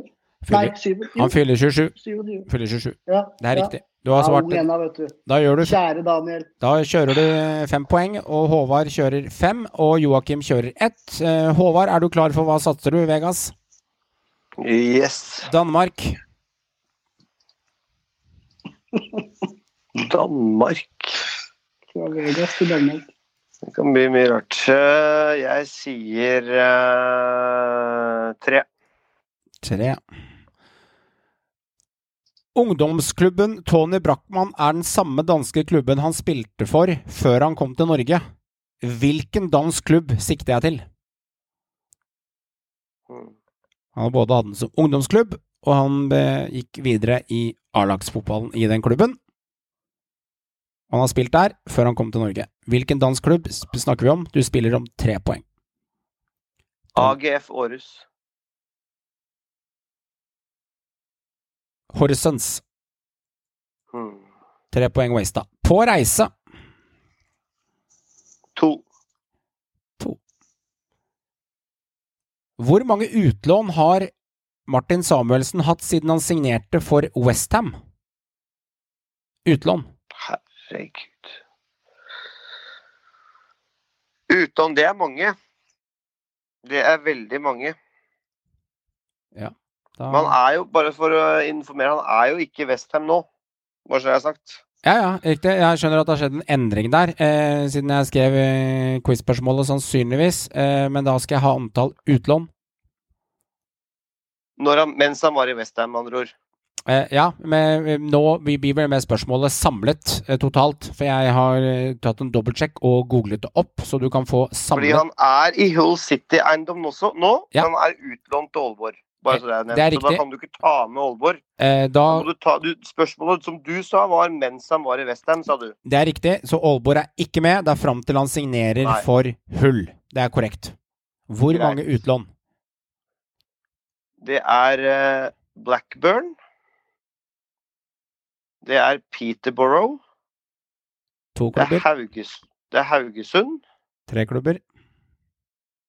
Det er Venlo. Ja.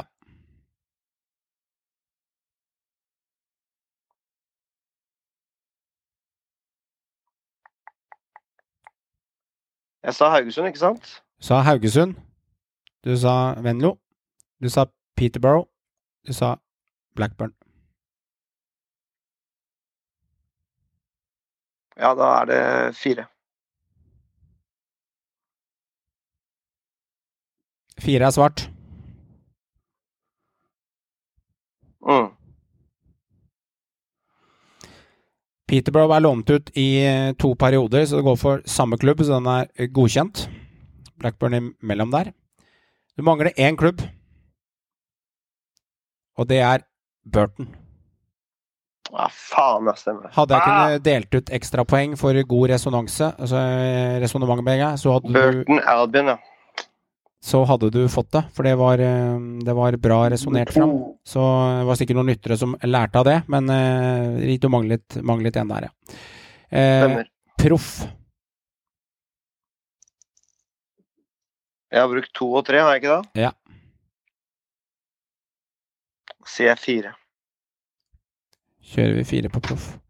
Erlend Johnsen fikk 136 kamper for denne engelske klubben. Chelsea. Fire poeng er godkjent. Bror. Bror. Hva skjer, bror? Brorsan. Brorsan. Søsteren. Brorsan. Jeg har en én og fem. Da sier jeg én. Det er jo ener i bordet, det. Hva heter broren til Christian Gytkjær? Begge har spilt i Haugesund. Det var han der som ikke fikk det til, ja. Litt kinkig spørsmål.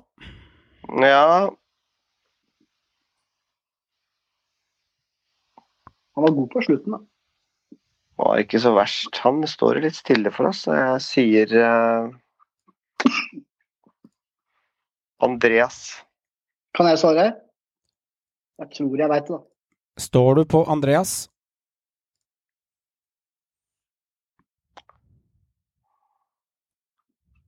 Thomas. Andreas. Thomas det er Gytkjær? Eh, Trenger et svar av deg. nei, jeg sier uh... Faen, altså. Yep. Jeg sier Andreas. Andreas, svaret er avgitt på ett poeng. Fredrik Utkjær. Ja, fuck, det var det. Den Ah, på er litt irriterende. Da er det en tvungen femmer. Da kommer marerittspørsmålet. Som er lenge siden vi har hatt. Det er ikke noe Faffa betaler. Det er en populær setning i Synseliga-podden, men det er fortsatt en, et nervespørsmål. Det er litt hvilken softis liker Vidar Riseth. Det er litt sånn over det. Keeper. Are Løsbø er en keeper med noe begrenset høyde. God keeper. Hvor høy, høy er han?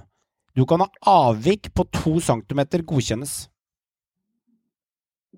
Så tipper du fire meter, så godkjenner jeg 3,98. Det har vært en sjuk keeper. Jeg godkjenner også 4,02.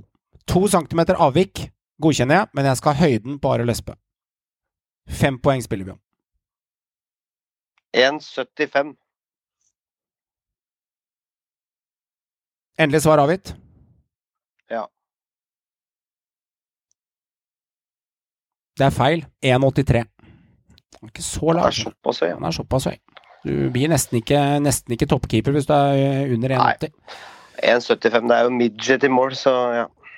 Du karer med deg fire poeng. Det var en begrenset runde for deg, min gode venn. Eh, Den gjør du på Seige spørsmål. Den gjør du på Erland Johnsen på eh, den. Den var seig. Ja. Eh, Joakim, fin flyt på Håvard. Da forventer jeg samme flyt på deg. Er du klar?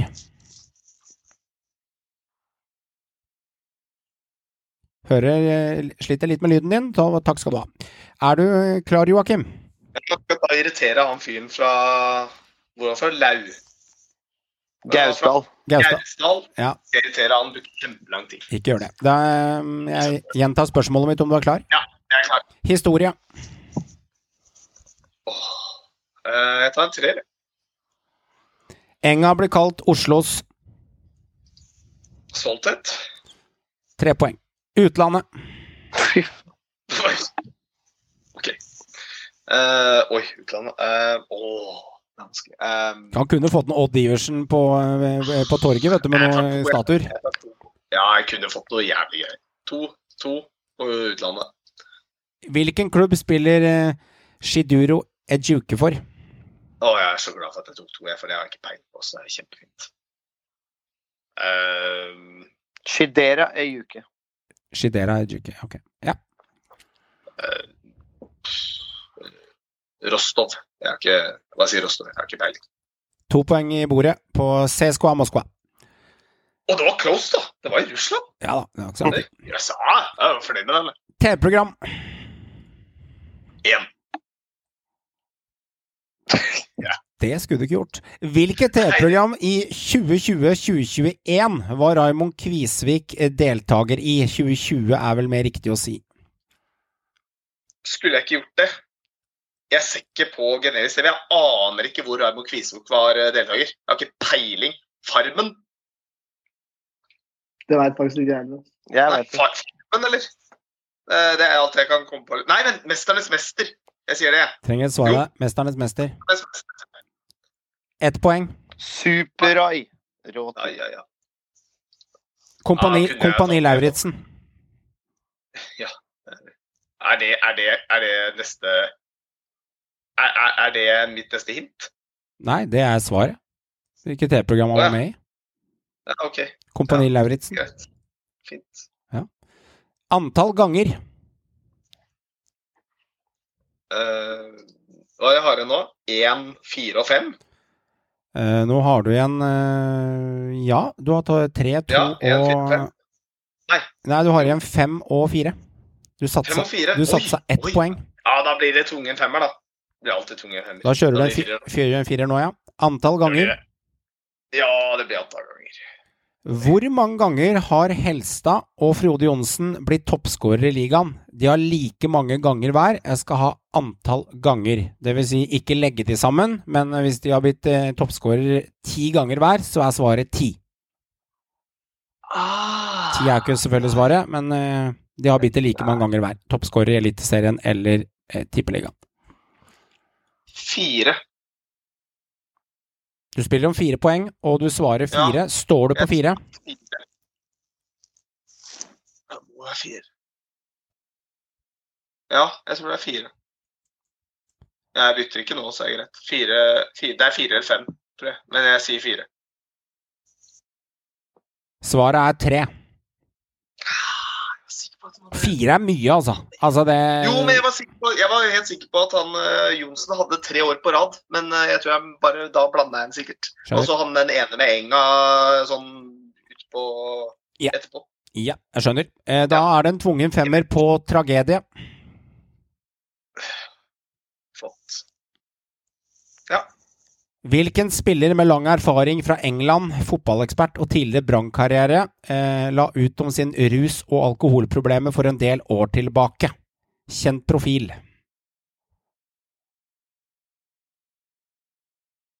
Spiller om fem poeng.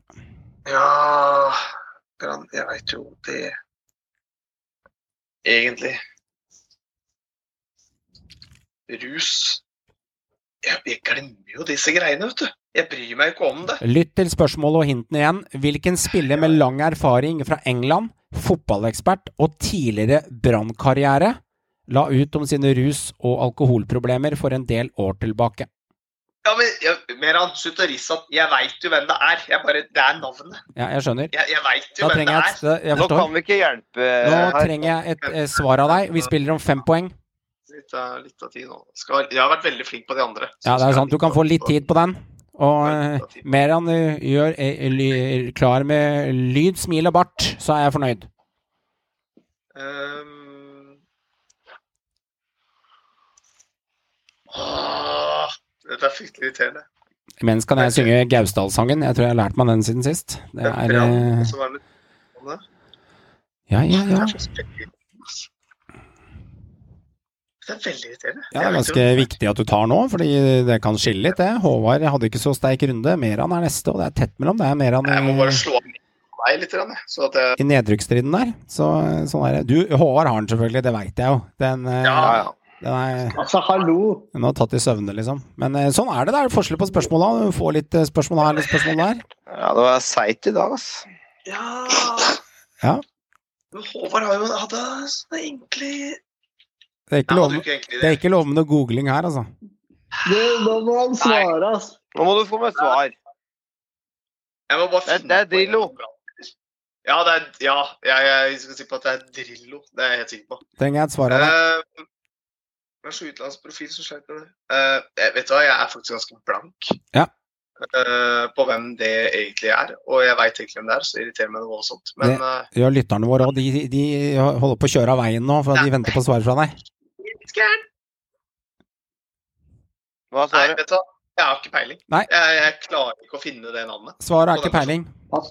Nei. Siden vi snakker om rus og alkoholproblemer, så kanskje vi ikke bare skal svare en vildens kar på tipp. Så da Ja, blir vi det si er pass. liksom liksom det. Bare trekke fram en sånn der fyr som aldri har vært borti det. Sånn, Ja. Derfor så sier vi nevner ikke det, liksom. Bare sånn. det er litt dårlig gjort. Han, han ser ut som en narkisvrak. Liksom. Ja, Nei, nei, jeg, vet det, det, det gjør ikke Arild Sundgodt. Han ser ut som en veldig Ingen hyggelig herremann. ingen glemt. Kan du ikke bare si det? da? Ja, ingen nevnt, Ja, ingen nevnt.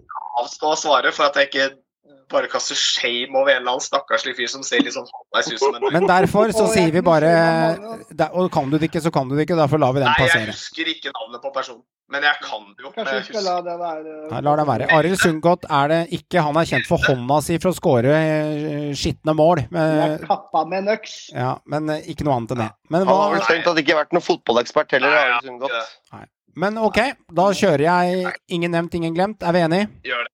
Ja, jeg er enig. Klaus Lundekvam. Selvfølgelig. Er jo superirriterende. Hvorfor har jeg glemt Klaus? Det Det går ikke an å glemme Klaus. det er bra for Klaus, da. Det det. Det er bra for Klaus. det bra at ikke alle bryr seg om livet hans. Ja, det er bra. Eh, han blir sikkert eh, Jeg håper han har det bedre nå. Det, det tror jeg. Ja, jeg, Det tror jeg han har. jeg ga Klaus der. Han ga ut bok òg, vet du. Det er i hvert fall ærlig sjel. Det er jo kjempebra. Han eh, byr på seg sjøl. Du får for stolthet med Enga, og du får for eduke for Moskva, og det ender med at du drar inn Ja. fem poeng. Meran, er du klar? Ja. Ja, jeg er klar. Norsk klubb. Tre. Hvilken norsk klubb eh, eh, spilte Møller Dæhlie for 2013-2014?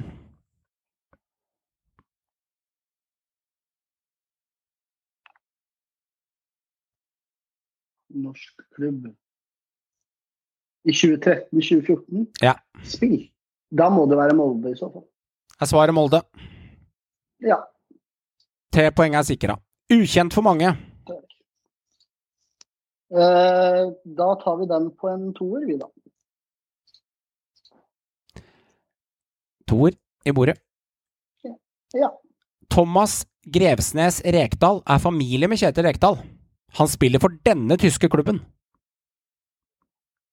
Åh, det husker jeg ikke, ass. Det verste er at jeg så en, leste om det her en dag nå. Oi, oi, oi. Så øh, Jeg kan ikke klubben, så jeg sier pass. FC Mainz 05. To poeng wasta. Ja, den hadde jeg ikke tatt, ass. Alder. Jeg si. Jeg kjører eneren, jeg. Hvor gammel er Jesper Daland? Han er Du har ett hint til der i spørsmålet. Han har bursdag 6. januar, Mm.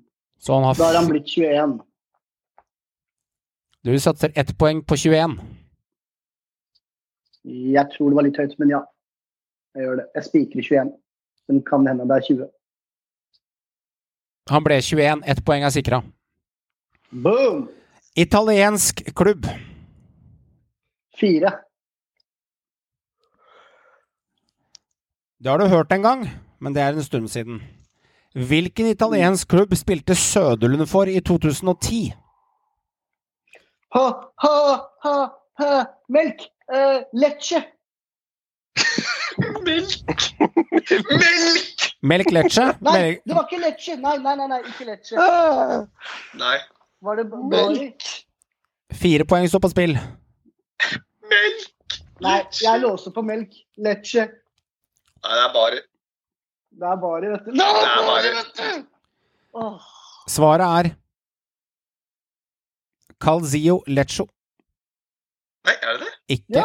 Nei. Nei, Calzio, Leccio. Lecce. Hva faen er det? Calzio Det er, det er en eh, serie B, serie C-klubb. Åh. Det var noe med lecce, i hvert fall. Det var leccio, da, så det er greit. Det er ikke jeg som har svart Lecce, jeg sitter med svaret, jeg, og det er Calgio Leccio. Så det er ingen eh, klubb på det nivået dere snakker om. Fire poeng wasta. Siste er tysk Ja. klubb. Ja, da er det Jeg har femmeren igjen. Det er riktig. Hintet får du, og det er femmeren igjen. Siste tyske klubben Nordtveit spilte for.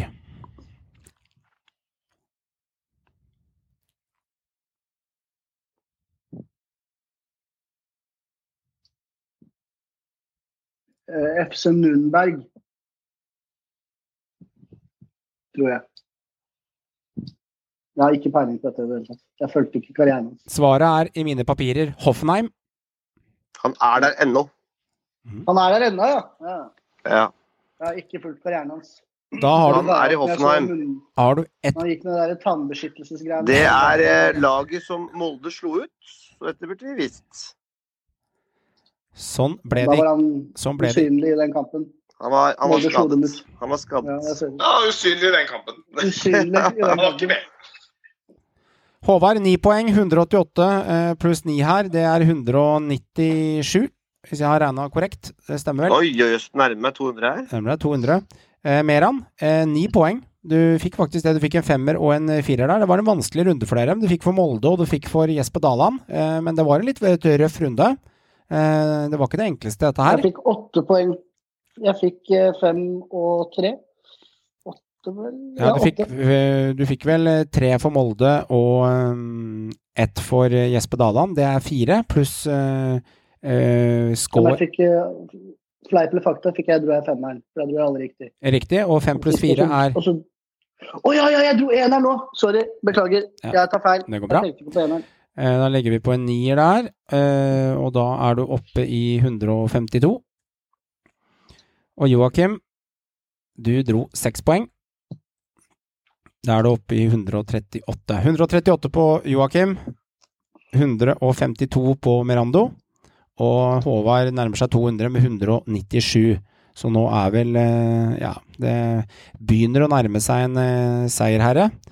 Du leder i hvert fall eh, hittil, Håvard, og det er vel og bra. Et lag som også leder Eliteserien eh, nå, eh, som ingen hadde trodd for to-tre runder siden. Altså, vi kan jo starte hos deg, Håvard, siden du leder denne quizen. Altså, Rosenborg, mitt kjære lag, de har jo kvitta seg med alt av broilerlaga nå, eh, og kan egentlig gå inn i sommerpause med god samvittighet, og får jo liksom Godset, Sarpsborg, Lillestrøm på Rekans på fjøl. De er borte med Enga, de er borte med Brann, de er borte med Viking, de er borte med Glimt, og de er borte med Molde. Altså, de har tatt de verste laga som Brann har gjort, men eh, de leder jo tross alt denne tabellen, da, selv om det har sett litt, litt seigt ut, og RBK lekker litt også, Håvard.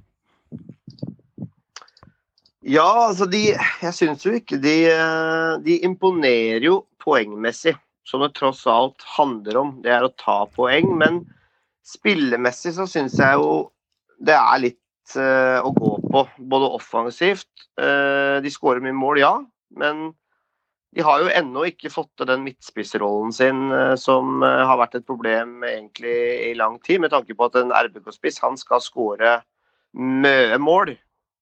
De har ikke klart å få de noe i gang. Eh, Mollins har kommet inn og for så vidt gjort det ganske OK og skåret et par kasser. Og også er bedre i det link-up-spillet. Men det er jo noe solid og eh, seigt å slå over RBK. Det er jo et lag som på mange måter eh, nekter å tape, og de får med seg noe. Zakariassen er jo i sin beste form noensinne med syv eh, mål på syv kamper. Men eh, slitekamp mot Sandefjord, avgjør på overtid. Slitekamp mot Brann, avgjør på overtid. Riktignok litt egen medisin mot Molde, eh, taper der. Men så, men så kommer de tilbake og, og slår jo da Stabæk veldig greit med 4-2. Og, og er eh, akkurat nå serieleder. Og, og da kan man jo ikke akkurat si at det er, eh, er dårlig det de har levert. Det er jo meget bra poengmessig. Og de har hatt, som du sier, et tøft program. Så RBK de er å regne med, med for fullt. Og nå har de også Tetti snart eh, klar. Riktignok luksus-Tetti som bare skal spille på gress, for noe annet tåler ikke beina hans. Og så har du Markus Henriksen eh, etter hvert tilbake, og, eh, og eh, ja, bredden er stor. Men eh, jeg syns jo det er et minus at du eh, sliter med den midtspisserollen litt. Det, det gjør du. Mollins var henta inn som en backup. Han har kanskje vist seg som å være den beste av de spissene der, og Dino skuffer. Men få se, da. Berømte Ole Sæter, som er litt sånn nye Helland oppi traktene der. I hvert fall jo melde ting, så vi får se om han melder seg på. Men RBK, tittelutfordrer, akkurat sånn som det ser, ut- ser ut nå. Ja. Eh, altså, de har scora klart mest, Joakim. De sitter med 19 skåringer, og Bodø-Glimt sitter med 11. Riktignok så har jo, har jo godeste Bodø-Glimt én kamp mindre spilt, men litt som jeg var inne på Bodø-Glimt, det flyter ikke like bra offensivt. Fikk en eh, blank nå mot eh, Odd. Eh, RBK skårer fire i matchen, skårer tre mot Brann, skårer to mot Molde. Altså eh, fem mot Viking. Altså de er solide framover, selv om de ikke har en spiss som eh, herjer. Men, eh, men, men, klart, vi, som Håvard sier, de lekker litt bakover òg. Men er du imponert, Joachim, Joakim, over hvor mye de klarer å få ut av dette? Hvor effektive de faktisk er? For hvis det går på expected goals i Eliteserien, er det ikke vits å sjekke engang. Men RBK må ha en sinnssyk effektivitet, Joakim. Ja, og det er litt sånn Det er litt rart. eh, Fordi altså, de to-tre siste sesongene nå, så er liksom det som har gjort at Rosenborg har kommet opp på tabellen, har vært forsvarsspillet. Ja, enig. Men i år så er det, er det omvendt. Altså I år så klarer de faktisk å skape litt spill og skåre en del mål. Altså De skårer egentlig ganske mye mål. Eh, Men de slipper, lekker jo som en sil til tider bak. Ja, de gjør det. litt overraskende, fordi det, altså det forsvaret de liksom har, har jo liksom ikke De har samme og forsvaret er liksom De har jo kvitta seg med de de følte de ikke trengte. Mm. Eh, Så det overrasker meg litt at de lekker så mye bak. Og jeg tror hvis de ikke får fiksa det, så tror jeg de kommer til å slite utover sesongen. Det tror jeg. Mm. Når lag begynner å komme litt ordentlig i gang, og liksom når lag begynner å få komme inn i enkelte Det vil alltid være lag som er i litt flytsoner og liksom har fått i spill, vunnet et par kamper og fått i selvtillit.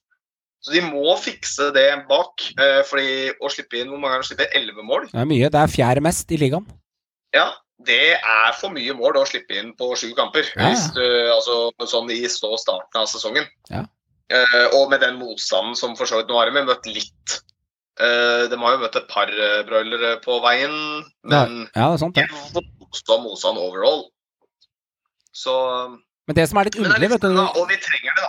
Men det som er så underlig med Rosenborg, Joakim, er at det, hvis du ser på skåringsstatistikken deres, så, så, så produserer de tre-fire sjanser og skårer to mål, eller fire-fem sjanser og skårer fire mål. Så de har sånn effektivitet på sånn 60-70% Nei, ikke dobbeltsjekket av meg, men jeg tror ikke det kan være så langt unna. Ergo fått null straffespark, og skulle gjerne hatt ett eller to, i hvert fall én i forrige kamp mot Stabæk, men de har fått null. Så de har ikke fått noen gratissjanser, selv om straffer ikke er noe sikkerhet i norsk eliteserie, da. Men imot har de sluppet inn elleve, som vi snakker om, Joakim. Og det interessante er, jeg har jo sett Rosenborg sine kamper. Stabæk har tre-fire sjanser, men de skårer på to. Det er 50% effektivitet. Brann har fire sjanser, skårer to. 50% mot Rosenborg. Så når RBK har vært effektive i angrep, så har de også vært eh, lagene vært jævlig effektive mot Rosenborg. Og det er også Ja, interessant. Det er begge men veier. Ja, men det er, det er jo det vi sier òg, da. Altså, det er, altså, de må egentlig få fiksa Jeg tror de må få fiksa det forsvarsspillet. Mm. Eh, det må de få til, ellers så tror jeg det blir tungt for dem utover sesongen. Mm. Det tror jeg blir vanskelig. Mm. Men eh, de skal ha for all del De skal ha igjen for eh, det de har gjort eh, i offensivt. Det har Det er altså 19 mål på sju kamper. Det er, det er innafor. Altså, da, da skårer du mål. Og det er Så til og med uten en spiss som skårer. Ja, Ja, det er, ikke sant? det er 2,7 i snitt. Eh, Meran, var kampen bitter, eller eh, syns du eh, jeg, jeg hadde en, en, eh, feit sjanse å regne mot keeper der når det var 1-1, og det kunne faktisk satt inn en eh, fin en der, for Stabæk hadde jo litt grann på kontringer der. Mm. Eller fikk vi se hva RBK kunne by på i andre omgang, når eh, Åge la om og kjørte hele arsenalet i angrep der? Nei, altså, vi følte at det var noe som ikke stemte i første omgang. Mm. Eh, Jeg følte at vi fikk det egentlig veldig enkelt eh, mot det i første omgang. Men så klart gjorde Åge de byttene, da. Ja. Fikk fart på vingspillet, fikk fart på sakene igjen, og da, da var det jo enveiskjøring egentlig ganske lenge. Ja. Så det, men det er klart det er bittert at vi ikke setter sjansene, men allikevel, sånn som vi spilte, så hadde vi ikke fortjent å vinne allikevel. Uh, I beste fall hoppa på nu, men uh, vi ble, vi ble pissa på i andre omgang. Og det er læring for de gutta her. Mm. Syns det er på tide da at uh, Seid fikk sin eh, første skåring, riktignok uh, plassert på benk, men kommer inn og skaper mye og får seg endelig sin første skåring i Eliteserien. Og det er jo på høy tid at han melder seg på med målpoeng. og Utvilsomt en spiller med, potensial og et stort talent, men han mangler sluttprodukt. Så får vi se da om de får noe mer ut av han eh, fremover. Men de har jo Zakariassen, så trenger de kanskje ikke så mye mer. Nei, altså den siste Men den siste skåringa hans også, som han skyter i der, og andre gangen Sandberg er nede og henter han Widesen Paul også hadde han fingeren sine på, på 2-1-skåringa. Og så får han i tillegg nesten fista Doff, eh, Doff sitt skudd vekk. Men alt går jo innom dagen for Doff, nesten uansett hva han tar i. Han kan jo skåre med Altså, det er jo helt galskap. Eh, en spiller som har imponert meg med Rosenborg, som jeg faktisk vil ta opp litt opp der, som jeg snakka litt om Reitan får jo mye skryt eh, på høyrebekken. Det er en spiller jeg faktisk eh, syns får litt underprata mye skryt her, faktisk, eh, eh, på Rosenborg. Jeg kan ta en liten artig statistikk jeg henta ut angående han, så kan, ta, kan du kommentere han etterpå av dine tanker rundt han. Jeg sjekka litt angående Adam Andersson på Rosenborg. Han står bak 40 av RBK sine mål, hvis du tar med assist, som han har én av, eller tredd sist på ballen. Han har frisparket på Serbers skåring mot Stabæk. Han er tredd sist på to av målene mot Sandefjord, inkludert et langt innkast. Han har et langt innkast mot Molde. Han har eh, tredje sist og setter i gang angrepet på Holset sin skåring mot Glimt. Han har assist til Vecchia sin skåring mot Viking, og han er tredje sist på angrepet til Rosenborg mot Viking når Mollins setter inn sin første der. Og så er han søren meg legget på Enga-kampen, og Doff står på blank. Så Adam Andersson er også den spilleren i Rosenborg Rosenborg, utenom Doff, som legger ned mest meter i løpet av en kamp på eh, bekken. Ganske markant over Eitan. Så det er en spiller jeg faktisk syns får litt underprata, har vært litt underprata, lite nevnt i disse fotballstudioene. Og jeg er litt spent nå. En liten kommentar, vi kan starte oss der over på den. Når Augustinsson kommer inn, vil Rosenborg kanskje miste litt av dynamikken med lange innkast og motoren til Adam Andersson hvis Augustinsson ikke er på samme nivå, for man tenker at han skal spille koste hva det koste vil, og så er det noe med den farten og den utilregneligheten, og han lager så mye støy offensivt, så man er litt underprata. Jo da, altså solid spiller Adam Andersson og starta sesongen bra. og han eh, er, var nok henta først og fremst som en backup både på høyre back og eventuelt venstre back, for han er allsidig. Han kan spille på flere plasser. Eh, men Jonathan Augustinsson var jo en mer sånn eh, altså Litt sånn stjernesignering, altså si det på den måten. altså Kommer fra Djurgården, liksom. Stor svensk klubb. Og har også landskamper. og jeg tror jo at han absolutt får sjansen sin. Så spørs det jo da om han griper den. da, for Nå har jo Adam Andersson vist at han kan levere på et høyt nivå og har gjort det bra. Og er også veldig delaktig offensivt. Riktignok hatt noen glepper defensivt. Jeg syns ikke vi skal glemme det. Han glepper litt markeringa opptil flere ganger. Men offensivt så er han god, og, og både han og Reitan har vært gode på bekkene til Rosenborg. Men, du, men, men, når du har 40% av mål, 8 av 19 mål står du bak i angrepsfasen, det, det må jo telle? Ja, jo da som sagt, vært god offensivt, men om det er hans uh, fortjeneste, det er jeg jo litt usikker på, for å være helt ærlig. Okay. Men uh, ja, han har vært delaktig offensivt og starta sesongen veldig bra. Så får vi se om uh, han klarer å beholde plassen når Augustinsson er helt tilbake. Meran, veien videre for Stabæk nå. Eh, det har vært mye korona i vinter. Dere har starta egentlig Hvis jeg ser litt sånn eh, poengsmessig, så, så syns jeg egentlig dere har starta ganske greit. Eh, dere ble rana borte i den kampen dere skulle hatt straffespark mot Haugesund, mener jeg det var. Det jeg mener det var en klar straffe. Hva syns du om ditt eget lag, og hvordan kjenner du på det å gå inn i sommerpausen nå? Jeg syns det var riktig oppsummert av deg. Jeg er enig, vi ble rana i Haugesund, men allikevel. Jeg er veldig fornøyd med at vi tar eh, poenget mot Odd. Jeg er fornøyd med poenget mot Haugesund. Dette er seige lag å møte. Mm. Vi har slått Brann, vi har tapt mot Rosenborg, og nå venter uh, hva er det? Tromsø, Molde, Enga, Glimt og Vikings. Det er jo tøff juni. Det er fest i luka. De fem kampene der. Det er det, men jeg har absolutt tro på at vi kan stikke av med fire, kanskje fem poeng på de fem kampene der. Ja. Og gjør vi det, så vil jeg si at vi har hatt en fenomenal start, uh, tross omgivelsene og omstendighetene Stabæk har hatt. Da. Uh, det vil jeg si. Ja. Et lag som uh, fikk det lille poenget mot Stabæk, var i Haugesund. Altså, det var en kamp jeg egentlig tenkte Joakim, at den skal jeg nesten ikke gidde å se. Men jeg satte meg ned og så Haugesund Viking og venta egentlig en sånn 1-2-1-3-seier. Klassiker. Kanskje en 1-1 som noen har tippa. Litt i forkant når vi tippa litt uoffisielt. men Eliteserien er Eliteserien. Vips, da var det fire i nettet, gitt. Og Velde og Sandberg og Waji de så ut som en million plutselig. Så hvor kom det fra etter noen 0-0-kamper? Nei, Plutselig leverte jo alle de spillerne vi har etterlyst skal begynne å levere. De leverte i én kamp. Ja. Altså, Velde, Waji, Berisha. Altså, det er tre spillere som hvor har de vært hele sesongen? Og Sandberg òg. Sandberg har to assist. Ja, Sandberg for den saks Så var alle på samme sted. Da var plutselig alle der samtidig. Uh, som er veldig irriterende, siden jeg Tross at han tok ut i hvert fall én av laget mitt. Men eh, nei, det er morsomt å se. da. Det, det er litt gøy å se at Haugesund også kan skape litt uh, action. At mm. Haugesund også kan spille litt morsomme kamper. fordi det har vært ganske traust hittil, for å si det sånn. Uh, men uh, Vest-Derby, hva skal man si? Det, de lever sitt eget liv, de kampene der. ja. Etter 2-0-kamper så var det jo vikt, veldig viktig for Haugesund å vise at man faktisk kan i hvert fall skåre mål. Uh, og ikke minst få i gang den rekka foran. Og jeg syns jo Haugesund altså De imponerte meg. Det var jo festfotball som de, de, kjørte i gang med der. Og Viking ble jo overkjørt. Og Viking er jo et lag som virkelig kan rakne. Det har vi jo sett nå både mot Rosenborg og mot Haugesund. Og et ustabilt lag og tatt noen bra med poeng også, for så vidt. Men det var veldig veldig viktig for Haugesund å, å få den seieren her i lokalderby, Rogalandsderby. Og eh, vise hva som bor i veldet. Han var enorm. To fine skåringer. og og Waji var et beist på topp, og Sandberg i, i uh, servitørrollen. Så det er kvaliteter i det Haugesund-laget. Og Tidemann Hansen, meget solid stopper. Så ja, uh, de meldte seg litt på, de nå. Jævlig frekk Nok et spiller. lag, nok et lag som ja, gjør det. Jævlig frekk spiller, han derre veldet. Han har litt Ja. sånn derre asshole-attitude. ikke noe negativt ment, men han har litt sånn derre Ikke kom her, jeg skal vise dere hele gjengen. Og så gjør han det sjøl. Han, han er skummel, ass. Han er X-faktor. Han har det. Eh, hva er grunnen, Håvard, til at du ikke tar inn, eh, tar inn Tripic på Fantasy framover? Hvis jeg ser langt ned i hjerterota di, er det pga. at Viking er så ustabile, eller tør du stå uten? Nei, Jeg mener at det er bedre alternativer foreløpig, for å være helt ærlig. Han har riktignok fått seg et par goller, men og Viking er veldig ustabile. Så det er ikke noe fantasy-favoritt hos meg eh, eh, per dags dato.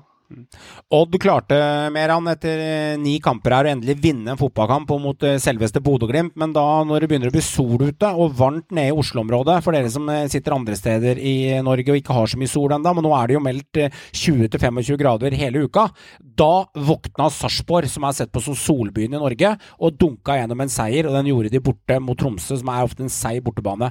Tromsø, Meran, står nå med to eh, hjemmetap på rad. Eh, og endelig kom en eh, seieren til Sarpsborg etter 13 kamper uten. Og han meldte det jo, eh, treneren der også, Stare, at i dag kommer han. Ja, jeg var litt skuffa egentlig over Tromsø, jeg, da.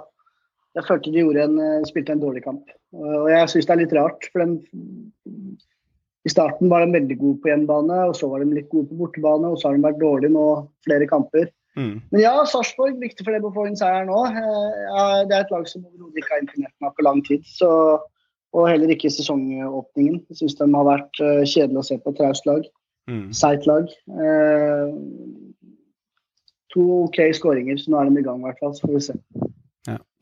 Ja, jeg også er litt sånn på vent med Sarpsborg. Eh, Ja. Men, men de er seige å bryte ned, da. Altså, de slipper jo nesten ikke inn mål. eh, og det er jo også en greie der, at de er, de, de, de er ikke så lette å få tatt.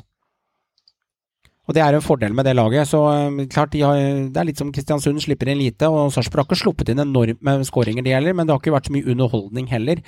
Enga Håvard, de trengte denne seieren mot Molde, de fikk den, og så gjorde de en pliktseier mot uh, Sandefjord. Og nå plutselig, etter at Molde avgjort litt poeng og Bodø-Grunn går på en smell der, så er de oppe og danser, altså. Og nå kan de ta det litt med ro i, i, mens Oslo bader i sol, for nå er de med og danser igjen. Bortsett fra, Sagmoen, de har en spiss som ikke helt er der han skal være. Og i tillegg så måtte han ut med skade, og det er litt vanskelig å si hvor lenge han er ute. Eh, Det er jeg ikke helt sikker på, men han måtte ut med skade. Eh, Henrik Udal kom inn og gjorde en god figur. Han eh, var på mange måter nesten mer farlig enn godeste Ørnen. Han har vært ikke til å kjenne igjen, og har det nok litt tøft på privaten med, med samlivsbrudd osv. Men du er nødt til å levere mye bedre. Som spiss skal Enga snuse på gullet eller, eller medalje, eh, fordi han har skuffa. Og Lajoni er litt i gang nå. Han har eh, nå et par eh, skåringer på rad, vel. Og Dønnem har jo vært meget bra og, og, og skaper mye. Og, og også leverer målpoeng. Så Vålinga hadde litt kniven på strupen mot Molde. De svarte der når det gjaldt som mest, og kom tilbake og, og nå to seire på rad. Så de har jo på mange måter meldt seg på igjen. og og et lag som vil være å regne med, tror jeg fortsatt utover. Men de har jo også utfordringer med å være stabile nok, da. Sandefjord fikk du et tap mot Rosenborg på slutten der, Meran, og så ryker de nå igjen. Men, men, men, igjen, det er liksom De taper ikke 4-5-0 eller eh, til- til 3-1 eller altså, De. De er liksom med hele veien, og en corner her og et frispark Mm. der, så kan du, eh, kan du puste pynte på Ja. resultatene. Har eh, Media-Norge. Fotball-Norge undervurdert dem igjen, eller må vi se an litt? Jeg tror vi har undervurdert dem Ja. Men jeg vil ikke si at vi har undervurdert dem hittil med uttelling, da. Det vil jeg jo ikke si. Men ja, jeg tror vi har undervurdert dem spillmessig. Jeg så for meg at de skulle være mye verre enn det de er. Eh, Det er et det, lag- det, si. Det er et lag eh, som er kapable til å ta poeng fra, fra egentlig alle. Eh, For det er så tett og jevnt. Jeg syns Kristoffer Nordmann Hansen har jo fått en kjempestart på sesongen med to vanvittige skåringer. Skårer en ny perlegål mot Rosenborg her nå. Eh, Så han eh, har jo levert bra. Eh, Så har de også levert ganske bra defensivt spill òg, med Valles og Kreuzrigler og han derre Moen Hansen, eller Moen Foss, Foss Moen Hansen, eller hva han heter for noe. Han har Sander Moen Foss, ja. To mål. Sa Sander Moen Foss, ja. Nei, så, så, så de har jo noen typer der. Harmet Singh, Ordagic, uh, seige spillere som, som alltid gir uh, i jernet og, og er gode ballspillere. Så det er jo visse kvaliteter her. Og de er ikke noe kasteball, liksom. De, de vil være med å slåss, men eh, jeg ser på de som eh, ja, en, eh, en dumpekandidat fortsatt. I sommervinduet, Meran eller Håvard, det har vi snakket om han tidligere. Dere kan jo krangle om ordet. Ser vi, ser vi Flamer Kastrati, som er iskald i Kristiansund, gå til Sandefjord i sommervinduet og blir den lille frelseren på topp, eller eh, er han faktisk ikke god nok til det akkurat nå? Jeg har et uh, dark horse fra sida. Jeg tror seriøst det skjer. Mm. Jeg tror han ender i Stabæk. Stabæk, ja. Jeg kødder ikke. Jeg tror han ender i Stabæk. Og jeg tror vi kommer til å få, få skikt på han. Eller få han i skåringsform igjen.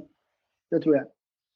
Men hva skal dere med, med enda en spiss mer? Nå har dere fem Det skal jeg spisser fortelle hvis dere henter han. Vi har uh, Asemi, han ser jeg egentlig for meg er ferdig i klubben.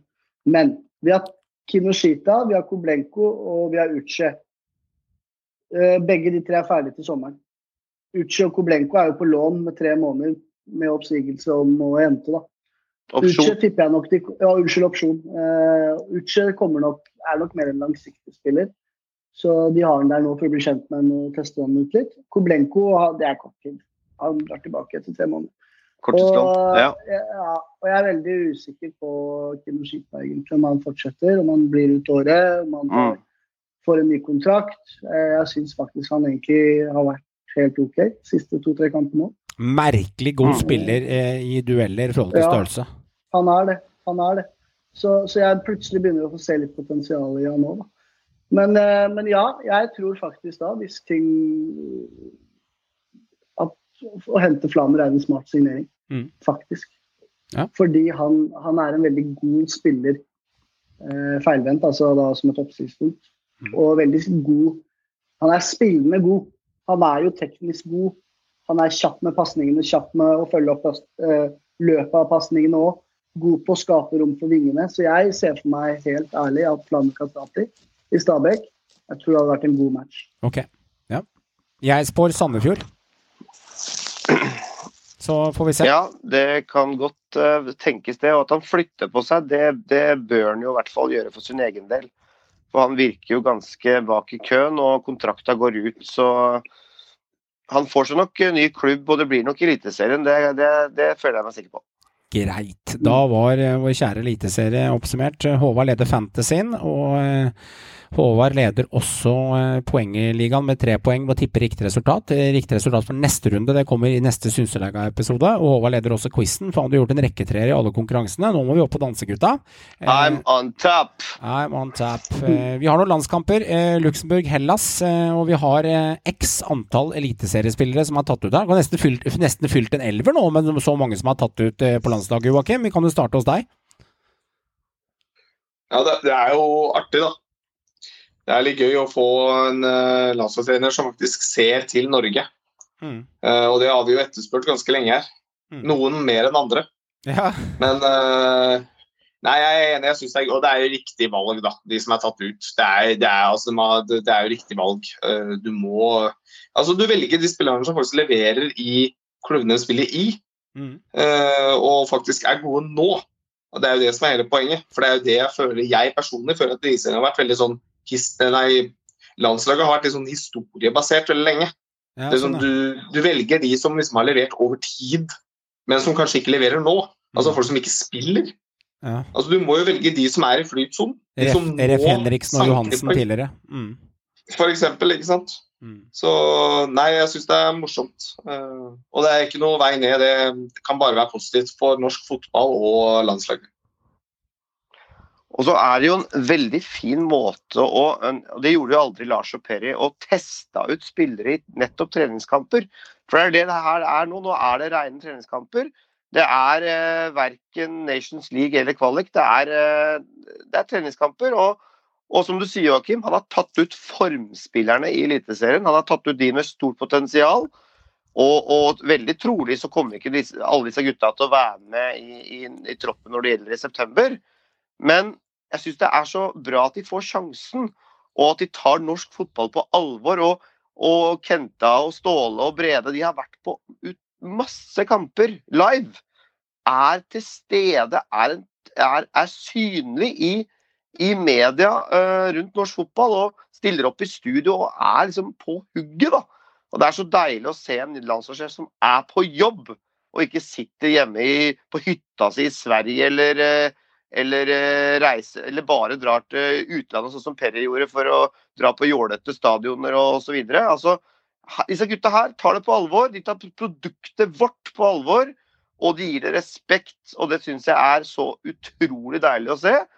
Og så spørs det da om de på en måte er gode nok, men de får en fair sjanse til å vise seg frem med de såkalte store gutta i, i utlandet. Og, og du skal, skal pokker meg ikke se bort fra at de er noe dårligere heller enn mange av de. Så jeg syns det er på høy tid. Og det blir gøy å se om noen av de klarer å, å, å, ut, å utprege seg og, gjøre en god figur mot Luxembourg og Hellas.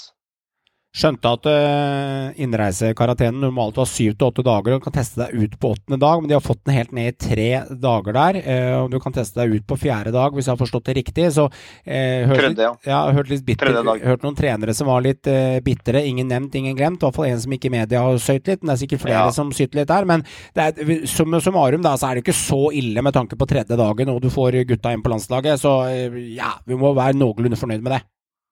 Jeg, eh, altså, ja, Det er nok litt uh, dårlig kommunisert her fra NFF sin side, men, men, saken er den at de fikk jo godkjenninga fra Abid Raja 30 minutter før troppen skulle presenteres. Ja. På en telefon, liksom. Og hva kan du forvente altså, Jeg syns NFF har gjort en god jobb her. Jeg syns det blir feil ja. å, å, sitte og være så kritiske. Altså, de, de har gjør så godt de kan i en veldig vanskelig situasjon.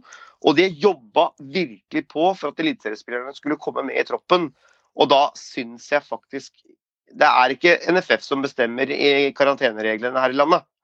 De uh, har fått et uh, unntak på tre dager, og det er samme unntaket som OL-utøverne og Paralympics-utøverne har. Ja. Hockeylandslaget f.eks.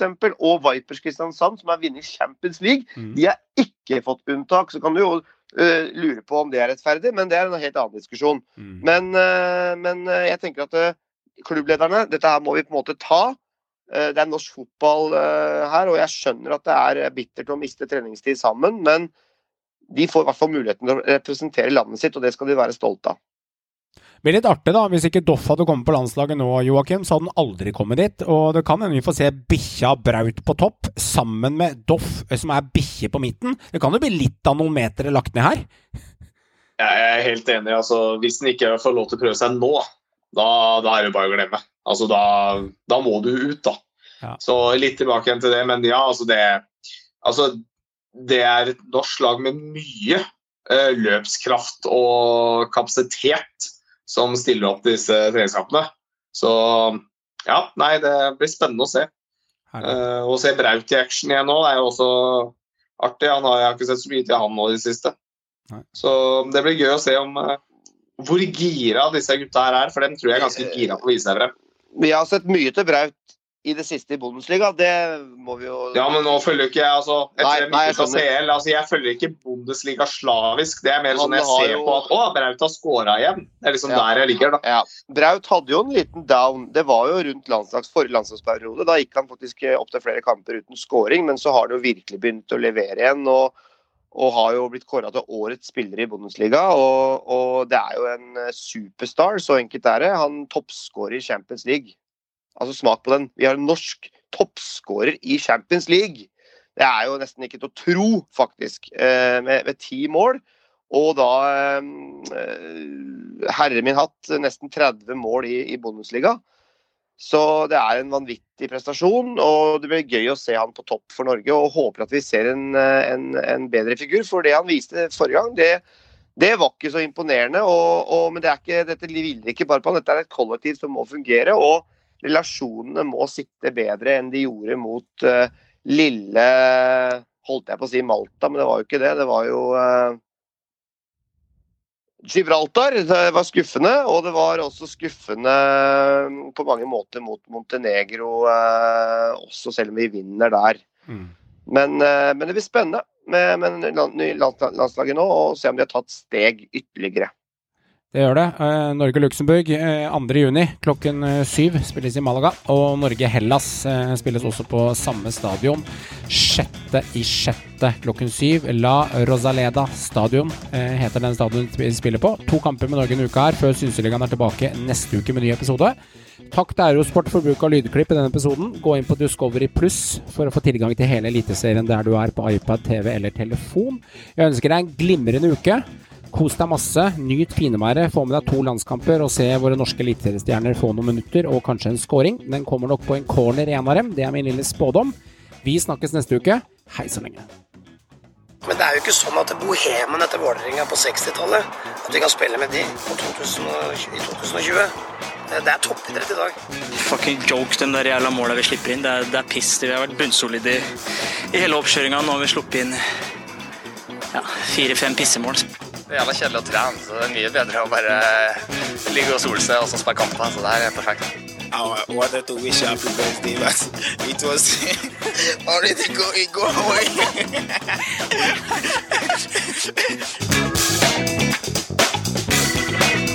Thank